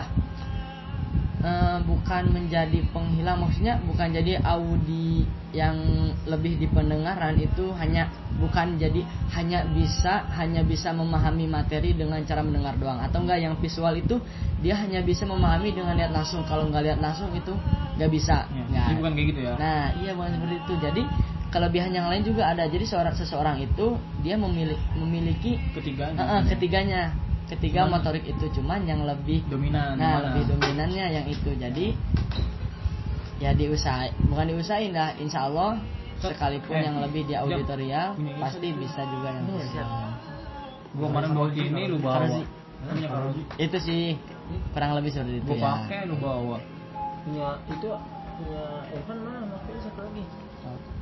Caranya biar bicara itu Arzar Arzar tanya Oh, biar nggak monoton, Kak Azri. Gimana nih? Oh tadi terus uh, misal ini Oh, iya, mau tambahan lagi. Tambahan, tambahan lagi buat Fariha ya. Uh, Fariha ini pernah ini nggak? Pernah tes psikotes nggak? Kalau pernah pasti ada hasilnya tuh. Ada auditori auditorinya berapa persen, uh, kinestetiknya berapa persen, visualnya berapa persen. Itu ada tuh. Uh, karena di saya seingat saya saya dua kali ikut psikotes tuh hasilnya muncul kayak gitu. Nah, uh, contoh saya ternyata saya tuh di kinestetik nih, lebih ke action gitu. Nah, tapi kita uh, saya juga nggak nggak mengurangi, bosnya saya nggak bisa dengerin materi via auditori karena ya bisa cuman minim gitu. Ya, mungkin sama kayak Fariha. lebih membutuhkan waktu yang agak lama ya Iya, kan? iya benar. Dengan waktu yang ini perlu diulang-ulang Nah, iya. berapa kali gitu. Tapi kecuali kalau misalnya ikut sekali action tuh langsung bisa. Langsung paham enak. Hmm. Lailatul Nur Samsia, caranya biar kita nggak monoton sama hafalan materi yang ingin sampaikan. Intinya eh, tadi persiapan yang matang. Persiapan ini kan persiapan mental dan eh, materi ya. Iya. Yang mental ini antum ya harus latihan terutama. Sama ini nih Kak Azri, banyakin insight ya, Ya, masukan. Masukan. Jadi ketika mau antum di situ, contoh, Irsyad sekarang ada eh, minggu depan nih ada jadwal ngisi tentang public speaking. Berarti selama lima hari sebelum ngisi, eh, misalnya di hari eh, di hari eh, misalnya hari seminggu nih ya, hari H kan hari ketujuh misalnya. Nah, dua hari pertama Irsyad bakal searching uh, materi apa aja yang bakal disampaikan. Di hari ketiga Irsyad bakal bikin materinya tersusun. Di hari selanjutnya Irsyad bakal nyari insight tentang materi yang udah dibikin. Nah. Nah, jadi ketika kita nyampein nggak sekedar hanya batas yang ada di materi, tapi di luar materi kita masukin juga karena kita udah dapat insight itu Nah. otak kita. Terus itu juga role model Kak Azri. Ah, benar. Nah, itu juga penting nih. Jadi teman-teman apa ya role model itu Panutan ya. panutan nah bahasa modernnya itu gitu. Jadi kita tuh menjadi public seorang public speaker itu mau pengen ngikutin siapa nih Hmm. kalau mau ada biar nggak monoton siapa nih contohnya kan kayak eh, apa Jamil Azaini ya Pak Pak Jamil Azaini Advan Advan and Fausa, Iya. Bung Des Moringi. banyak lah pokoknya ya Kazri ya kalau sebentar satunya intinya itu role model juga penting teman-teman Assalamualaikum Jadi Waalaikumsalam. audiensnya, jadi au- materinya kena ke audiensnya kak. Iya, itu. Jadi ketika apa ya berdampak lah ke ini ke audiens. Hai Irman Ibrahim bergabung, welcome. Ini nih Dina, terakhir Kak Zri, tambahan. Cuman ini nih siapa tadi tuh? Zakia ya. Zakia. Eh, sebagaimana dalam Quran kan innallaha innaka la tahdi man, ah, man ahbabta walakinallaha yahdi may yasha. Intinya kita jangan ngotot juga ketika kita membicarakan, ketika kita ngajak, ketika kita ngomong suatu kebaikan itu mereka mendengarkan, mereka mengikuti dan mereka melakukan. Kita juga nggak, bukan nggak boleh lah. Eh, ada keinginan seperti itu boleh, bagus. Cuman jangan ngotot, cuman jangan itu dijadikan patokan. Takutnya ketika orang yang kita ajak itu nggak kena, nggak ngepek, itu kita langsung down, kita Futur. langsung futur, langsung kapok, nggak nggak mau itu lagi. Nah, karena ranah kita itu hanya di usaha, sedangkan hasil masalah mereka ikut, enggak dengerin dan yang lainnya berubah atau enggaknya itu masalah Allah ya. Ya ternyata kita tulisnya ikhtiar ya. Nah, Kalau hidayah kursinya Allah. Nah, gitu. Nah, ini welcome to sir nih. Sa'a Wasari Dewi. Oh, sa- Eh, itu ya. dua orang ya, dua orang. Terus siapa nih? Eh, Beb. Oh, iya. Indah, entin mudah banget gue. Entin, Larantuka. Hai, thank you like ah, Sipa, Sipa, Sipa. tes psikotes nggak apa-apa kok. Nggak apa-apa, akan. cobain. Coba tonjok. Enggak ini, coba cobain aja kalau. Iya, kalau pengen lebih. Psikotes ini biasanya kalau masuk kuliahan tuh nanti bakal dites. Suka ada ya? Nah, atau masuk SMA. Nah, itu. Sok, mangga mangga. yang mau Yang mau eh, nanya lagi. tanya lagi via bisa bisa via WA Kak Irsyad atau WA admin Kamila nanti Kamila ini apa namanya? Ada nggak yang nanya? Belum belum. Belum ada ya? Via WA juga nggak ada ya? Belum ada. Sharing lagi nih tentang apa? tadi bahasin aja yang pertanyaan tadi. Kulik lebih dalam. Assalamualaikum kak. Salam kenal. Waalaikumsalam. Irman Ibrahim salam kenal juga. Saya Azri Murtodin dan ini Irsyad Nur Fauzi ya. Kita stay di Depok. Nah nih tentang materinya ngen- ngena ke audiens. Oh iya. biasanya kita kalau nyampein lebih biar ngena ke audiens tuh kita apa ya closingin dengan muasabah Nah, benar. muasabah atau kita ajak action itu kayak mulai hari ini apa sih action itu kita buat perjanjian. Mulai hari ini misalkan kita sama-sama berinfak setiap hari di subuh. Di subuh itu wajib infak misalnya 500 rupiah aja gitu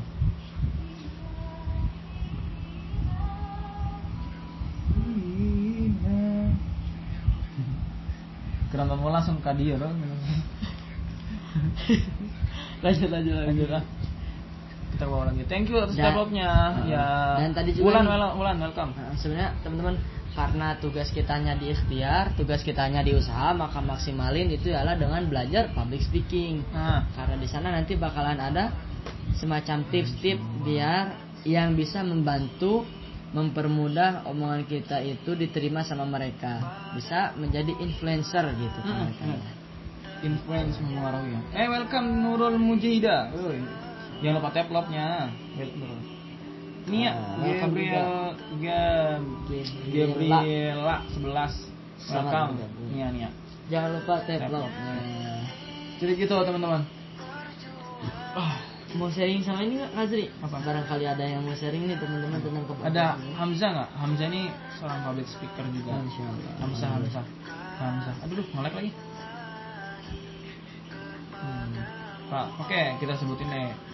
Eh, yang masih stay nih Wildan Anamila yang MJ manajer Lutfi Kurnia Hai Sipa Inia Kak Fah Bil Azki Indah Fitriana Tika Nur Hansana Nurul Mujahidah Zaimah Randy Arifin Indah Ayu Najmudin Lailatun Vila Rosi Alif Damas Larantuka dan Ridmi MD Nah, oke.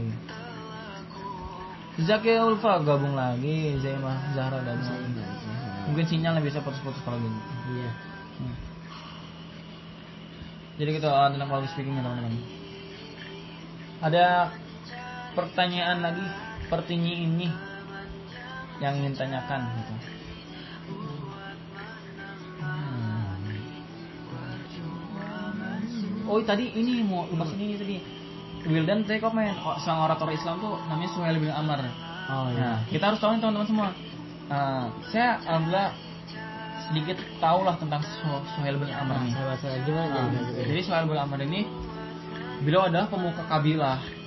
Apa ya istilahnya? Ketua kabilah itu kan kalau dulu gitu ya? dia suku ya. Kalau dulu cuman sukunya kan ber- satu negeri tuh ada banyak suku tuh dan tapi bersatu gitu. Dan tapi ada apa ya?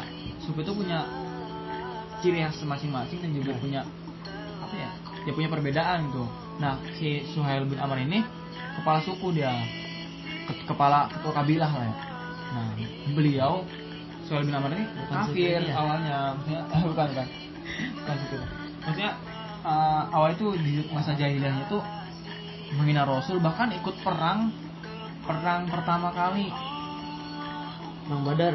perang Badar ya menang Iya. kan kamu Iya. ya kan datang enggak. Ya, per- pertama kali itu kalau nggak perang Badar, cuma yang menang tetap Muslim. Yang kedua berahad. Hah? Perang, perang eh perang Ahad. Mana? Perang Uhud Ahad. Nah, kan, kan, ah, kan, kan pertama kan perang Badar nih. Iya. Perang Badar itu kan eh, di provokatorik gini. Apa namanya? Harta harta apa ya? eh, entrepreneurnya atau penjualnya dirampas katanya sama umat muslim di, di Madinah. Hmm. Nah, di Makkah ini itu ja- jahiliyah semua tuh. Karena waktu itu Rasul eh bukan ke Madinah, ke Habasyah, Habasyah. Nah, semangat bergabung filah. Ke Habasyah kalau nggak salah ya. Hmm. Ya kan? Oh iya iya. Nah, ke Habasyah. Nah, di situ eh, apa namanya? Di koper-koper itu. Nah, terus makanya situ abu abu abu yang lain pada mati tuh, ya kan? Abu abu yang lain pada mati kan. Nah, di situ nah soal soal Amr nih yang saya tangkap nih, beliau unik. Jadi saat dia punya dua Hmm. anak, namanya Abdullah dan Abu Jandal. Oh. Nah, nama kedua ini anaknya. Selamat Nah, bergabung. ketika bulan. ketika sebelum perang ini, waktu Rasul sebelum hijrah ke Habasyah, Iya. dua ah, kan dua dia punya dua anak. Iya, itu. Nah, uh, Abdullah ini Abdullah ini dia udah masuk Islam Hmm. terus uh, sama ayahnya ya gitulah kayak di debat mulu Iya, karena iya.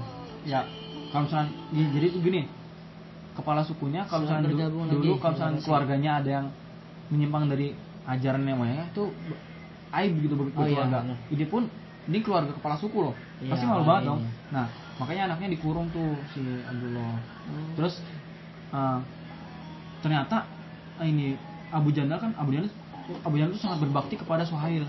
Suhail bin Amr ini nah Abu Jandal ini dia nggak mau masuk Islam mau. Tapi lama-lama tuh masuk Islam dan diam-diam. Waalaikumsalam. Waalaikumsalam.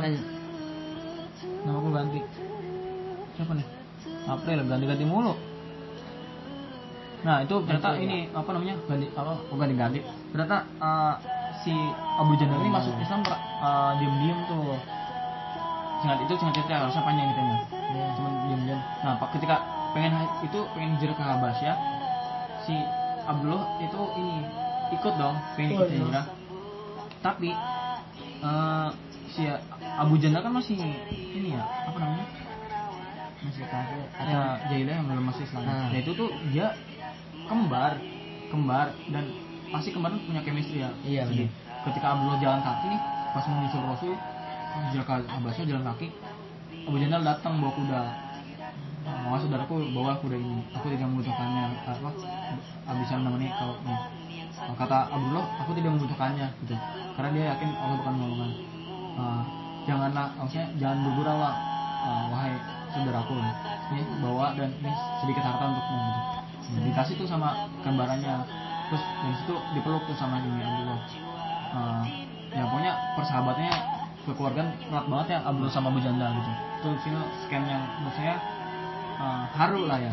Terus Abu- Selamat eh, bergabung Eli Abu. Jandal pulang ke rumahnya ke rumah Suhail bapaknya uh, si Abdullah pergi.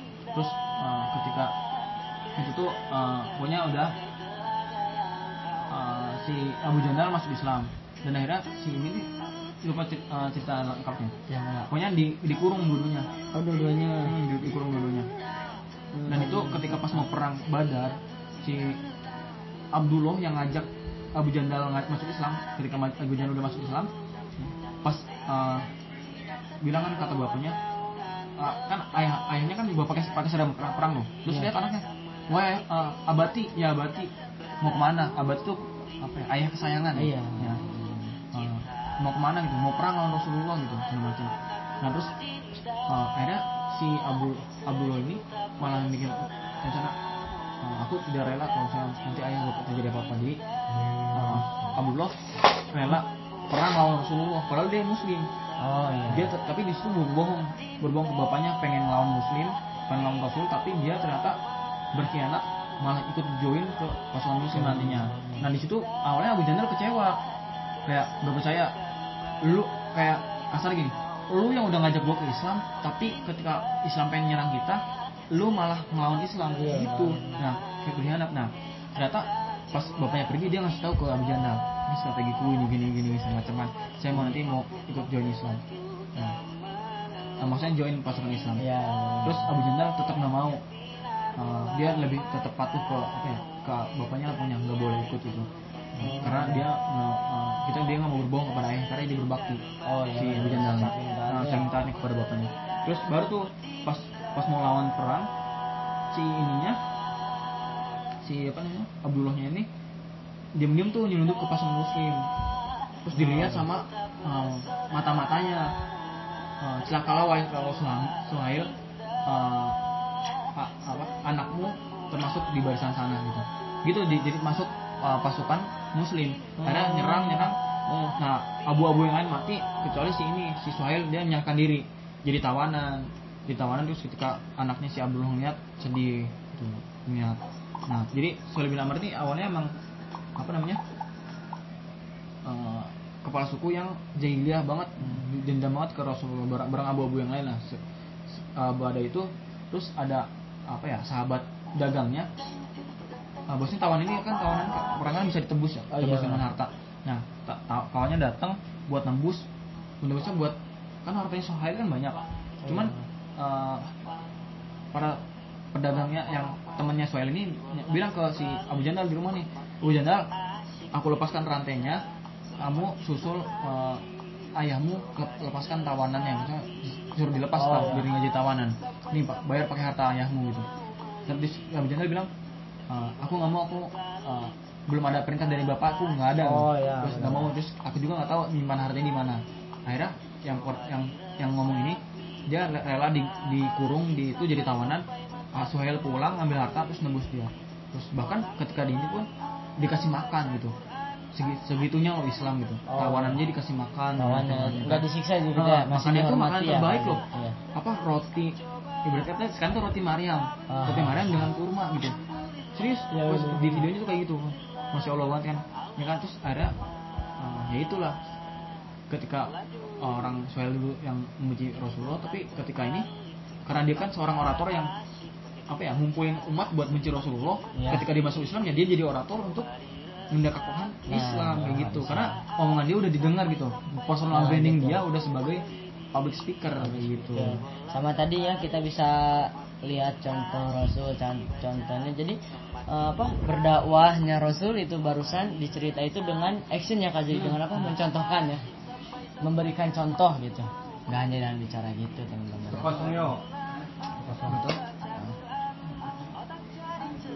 Gitu gitu Silah Rosi kamu kembali Waalaikumsalam warahmatullahi wabarakatuh yang saya membaca rumus canggih Waalaikumsalam. Eh, yang tanya lagi bener sama di buku uh, 10 sirah sahabat. Ya Iya. benar benar kalau saya itu Kazri yang paling saya ingat di film Omar itu Omar. yang tentang Sohail itu adalah yang pas di saat mau konsultasi sama Umar sama Amirul Mukminin. Ah. yang Sohail bin Amr itu sama Abu Abu Sufyan. Abu Sufyan. Eh, ya kan? Eh iya Sohail kan kalau salah. Tahu yang itu. Yang Sohail sama Abu Sufyan kan udah ngantri tuh lama mau konsultasi mau ngobrol langsung sama Amirul Mukminin tapi pas, pas begitu sahabat Bilal bin Rabah datang maka dia maka eh, apa malah Bilal yang langsung didahuluin. Hmm. sehingga Abu Sufyan kan marah tuh merasa nggak enak. Padahal siapa dia gitu kan? Bilal itu dulunya hanya seorang hamba sahaya. Hmm. terus yang orang berpengaruh lah ya tadi. Karena sama juga kepala bukan kepala suku eh, apa? Gegedug kalau bahasa Sunda. Petinggi petinggi. ah petinggi karena Abu Sufyan soal itu kan para petinggi Quraisy gitu dulunya. Abu Sufyan petinggi Quraisy udah ngantri lama-lama pas begitu datang eh yang diduluin malah sahabat Bilal yang dulunya hamba saya. Nah ketika marah-marah tuh Abu Sufyan itu nggak terima lah kuku lutus kalau bahasa Sunda itu. Iya. Yang mana datang lagi? pertama loh. Heeh, gitu lah tapi ketika Bilal uh, datang langsung di padahal Bilal Bilal tuh dulu seorang hamba Nah, budak ya. Nah, eh, tapi Abu Sahil lah di sana yang menjadi yang menjadi penenangnya. oh ya Akila Almaira. Eh, ya waj- Eh, kalau kalau di kebahasa kitain ya intinya intinya gini. Ya wajar lah dia didahuluin sama Amirul Mukminin. Wong dulu dia ma ik- wong dulu dia itu ikut berjuang ikut merasakan pahit kalau kita gabungnya itu pas udah enaknya gitu Iya, pas Fatu udah Makkah. kita iya makan. Eh, iya pas Fatu Makkah itu siapa ya? Suhail Suhail bukan sih? Lupa lupa saya Suhail atau siapa ya Allah alam lah ya, tapi intinya yang saya ingat itu salah salah sahabat itu kalau nggak salah Suhail tapi kalau salah mohon diingatkan Assalamualaikum warahmatullahi wabarakatuh. Saya Akila stay Borneo Kalimantan. Masya Allah dari Borneo Kalimantan ya. Hai, eh, Akila.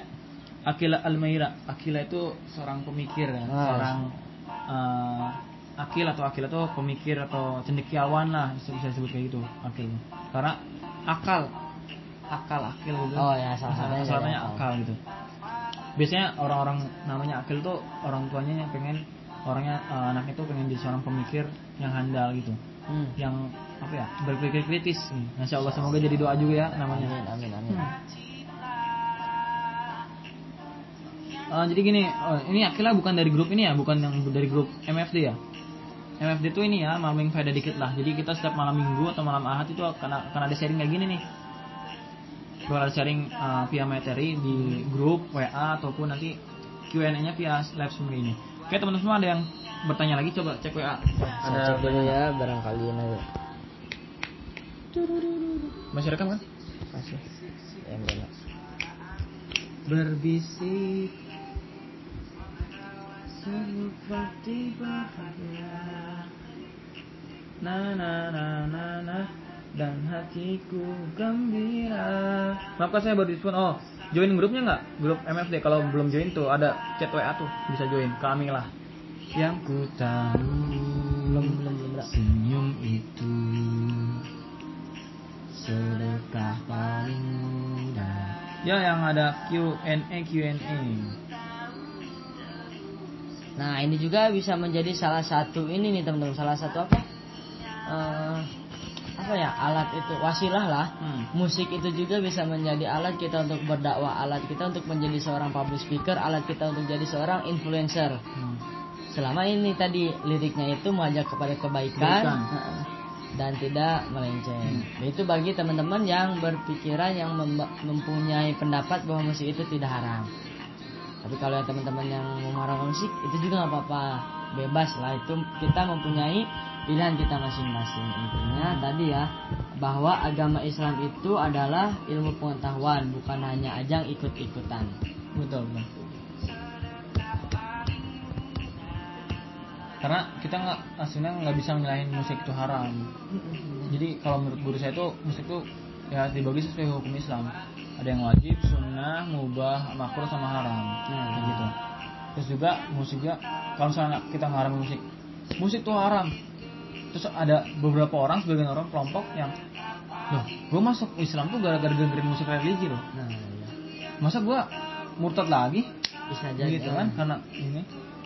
Bisa menjadi jadi kita jangan sebenarnya semakin banyak ilmu kita semakin apa ya semakin gak gampang nyalain orang lain sih. Hmm. itu yang saya tangkap. Coba gini deh. Buya Yahya Ustadz Abdul Somad Ustadz Adi ketika mereka apa ya nyikapin haters-haters yang kayak waktu itu ada yang nantang Ustadz Adi. Emang Ustadz Adi kayak eh, ngejudge enggak kan? Ya Ustadz Adi kayak paham ilmu apa paham ilmunya gitu. Jadi semakin kayak ilmu padi lah. Nah, semakin banyak ilmu semakin nunduk gitu Hmm, semakin kan bersih itu semakin nunduk. Heeh. itulah masya Allah Oke, nah itu quotes ini yang yang sering saya yang moto hidup saya sampai sekarang nih. Bicaralah yang penting jangan yang penting bicara teman-teman semua. Jadi jangan sampai bicara kita itu ya asal bicara aja Nah, gitu. benar. tapi eh, ya bicara tuh nggak doang gitu harus ada impactnya gitu. Sama oh ya sama tadi nih Kak Azri tambahan yang tadi. Apa? Yang biar nggak nervous. Hmm.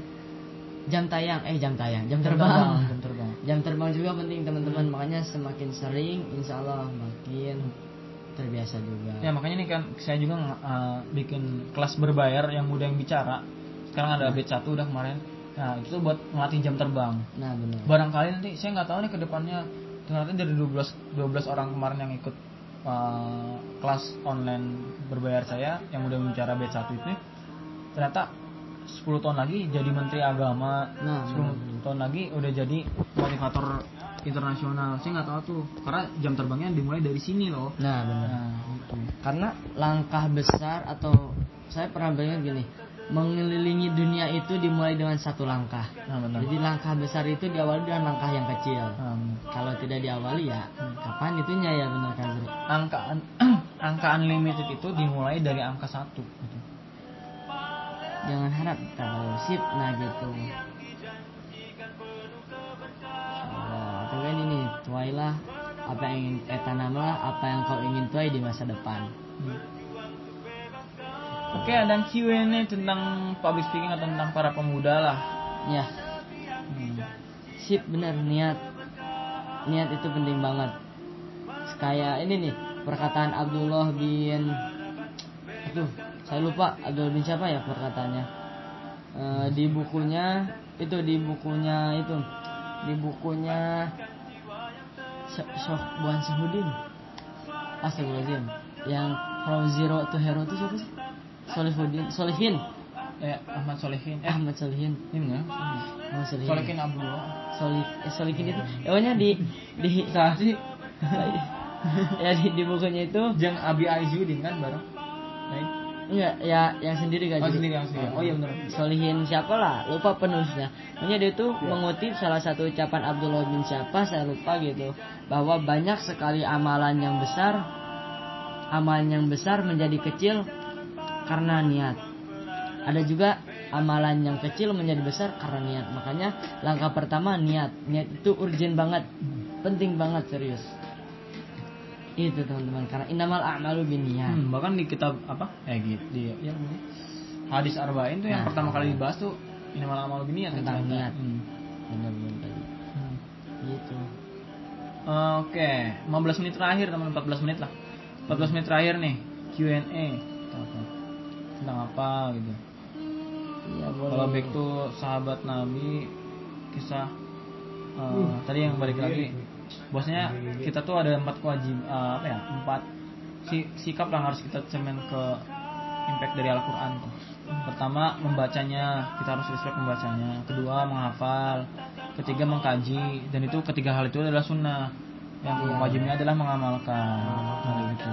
Karena kalau kita lihat sekarang tuh apa ya dibanding zaman dulu ketika zaman Rasul ya Al-Quran ini sekarang udah lengkap gitu kayak gini eh, manusia kita eh, kita harus sadar dengan tujuan pencipta- penciptanya kita di dunia lu diciptain dunia, eh, dunia itu tentang lu harus beribadah eh, ya apa tadi? Ayatnya Wa khalaqtul jinna wal insa illa nah ya liya'budun. ya budun. Tidak aku ciptakan manusia ya, jin dan manusia illa liya'budun untuk beri tidak apa beribadah kecuali untuk beribadah lah beribadah kedua yang yang baik amalah ahsanu amalah ketika kita udah kita ketika kita udah pegang dua itu dan ahsanu amalah kita perlu tuntunan dong. Perlu buku panduan. Nah sediakan Al-Quran. Zaman dulu buku panduannya belum lengkap. Masih disusun masih perencanaan segala macam. Zaman zaman sekarang alhamdulillah sudah lengkap nih. Zaman dulu perjuangan masih susah. Jadi belum lengkap itu Iya. bukan konteks Al-Qur'annya teman-teman, tapi pembukuannya maksudnya Hmm, gitu. pembukuannya. Nah, terus juga eh, apa ya? Dulu kan kalau misalnya kita bandingin kita sama dulu, ya kita udah enak nih. Kita udah ada buku, bukunya udah lengkap nih. Udah dapet tunjuknya, lu tinggal jalanin aja. Dulu tuh ya kita masih mencar, Iya, dia berlepak-lepak gitu. Ada yang nggak hafal semua juga Iya. eh, Al-Quran kan. Kadang di orang-orang, kadang ya paling yang komplit itu di Rasul doang ya. Mm-mm. Cuman kalau pas ketika Rasul udah meninggal ya ketika ini itu makanya istilahnya itu ya ngumpulin orang-orang Iya. yang Ahlul Quran. Mm, Ahlul Quran yang berapa? Expert di Iya. bidang. Ada ternyata yang Al-Quran ini saat Abdullah bin Mas'ud. Oh iya. Ya, itu pembantu pembantu Rasulullah karena sehari-hari bersama Rasulullah jadi uh, sampai sekali Rasulullah ucapin langsung hafal Hmm. gitu. Bahkan uh, dia bilang coachnya yang kemarin di artikel itu apa ya? Tidak ada seorang pun yang bisa menguasai uh, makna dari ayat Al-Qur'an uh, yang ah tidak ada orang yang sebagus dan sepintar orang yang bisa memaknai ayat Al-Quran kecuali saya kata Abdullah bin Mas'ud gitu. Tuh ketika umurnya udah tua Iya. Gitu. bahkan ketika muda ketika Rasul nih eh, dakwah Islam secara tersembunyi terus kata Rasul udah kita kita harus dakwah secara terang-terangan nih terus Abu Bakar nyampein ke yang lain sahabat lain gimana nih? Lang- langsung Abdullah bin Mas'ud unjuk tangan biar saya yang dakwah secara terang-terangan. Terus eh, langsung pada berdiri semua tuh jangan jangan kau kau terlalu muda jangan kami takut khawatir tentang eh, keselamatan dirimu gitu.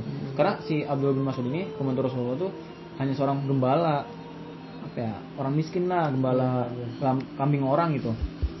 Nah terus ketika itu eh, langsung dia ke Ka'bah tuh teriak teriaknya tentang Ar-Rahman.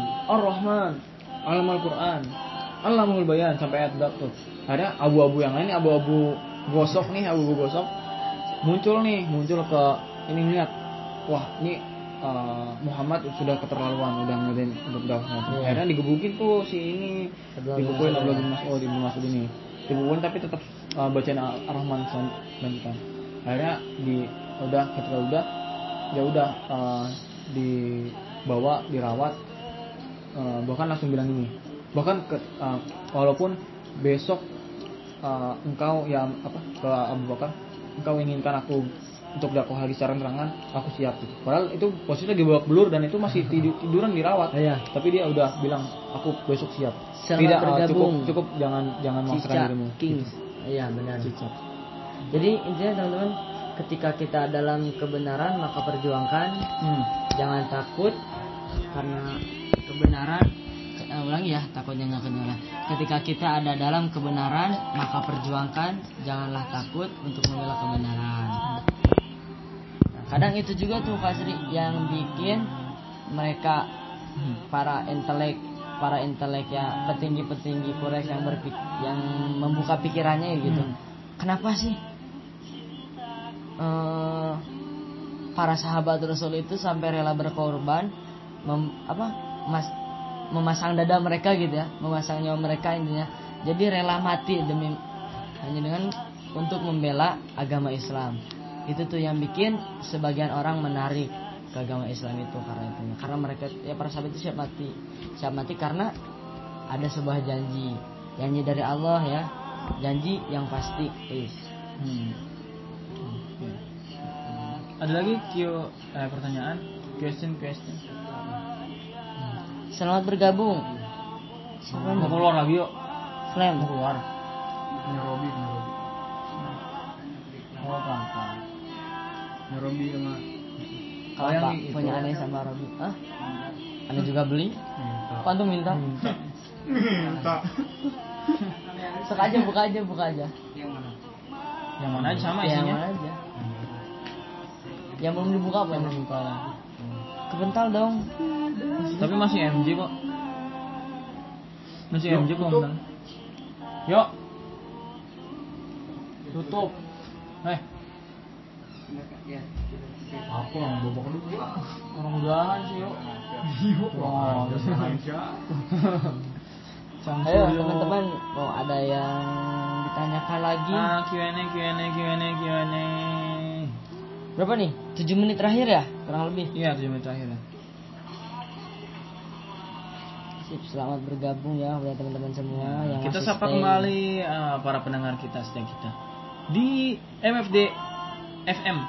FL Wih teman-teman semuanya Kembali lagi di 105,7 FM. Ya, bersama MJ kita, Wildan Fizaki, Amila dan April. Hai, eh, Akila Almaira dari Borneo tadi ya. Iya betul Kak Fah, Zil Azki, Indra, Indah, Indah Fitrian, Tika Nurasana, Zaki Aul, Zakia, Zakia Ulfa Zakia Ulfa, Zaima, Zahra, Randy. Indah Ayu, Najmudin Rabbani, Lailatul, Rossi. Rossi, terus oh ini Flamboyan nih, si Rizka, Oh iya dan Ridmi, eh, dot MD. Cara- biar su- suara enak pas lagi nyampein materi, gak serak. Oh gini, pengalaman aneh. Kenapa eh, suara tuh serak pas nampilin? Pertama, emang pertama persiapan kurang. Eh, tapi yang eh, ngaruhin banget kenapa suara serak adalah grogi. Jadi Bener, ketika bener. nyampein itu nggak lepas yang buat kita mau ngomong tapi warahmatullahi. ketahan di tenggorokan akhirnya tuh apa ya ada asik mau lep- dari dari dalam udah mau lepas tapi di di atas ditahan Hmm. Nah itu yang mem- membuat serak dan akhirnya tuh membuat apa ya lendir yang di sini yang di leher tuh eh, apa ya ngumpul ngumpul sini jadi nanti ada serak itu serak eh, gara-gara terus juga serak gara-gara pas ketika kita mau nyoba dilepasin di tenggorokan ini eh, tersempit itu ilmunya yang saya dapat di mana ya? Ah, lupa pokoknya itu. Jadi di tenggorokan itu agak sempit dan akhirnya suara yang dari dalam ini yang ketika mau disampaikan secara membara tapi terhalang nih. Nah. nah, jadi, jadi pas dikeluarin terpaksa tuh jadi ngegesek di ini di tenggorokan sakit Oh, tuh. makanya nah itu makanya serak. Itu dia akibatkan hal pertama itu gara-gara grogi ternyata Nah, kalau pengalaman saya pribadi, suara serak itu karena gadang Kak Zri. nah gadang ya Nah. Ah, bener. Kalau saya dulu juga pernah nih, pas jadwal dulu disuruh tilawah, tapi dua hari sebelum tilawah itu gadang. bahkan bukan hari ya itu bukan, Iya. bukan Bukan hari, Dua hari sebelumnya? Ah, dua hari sebelumnya. Tapi tetap kena gitu suara kita nih itu kurang maksimal itu. Hmm. Sama kekeringan juga kali ya. Iya, keren.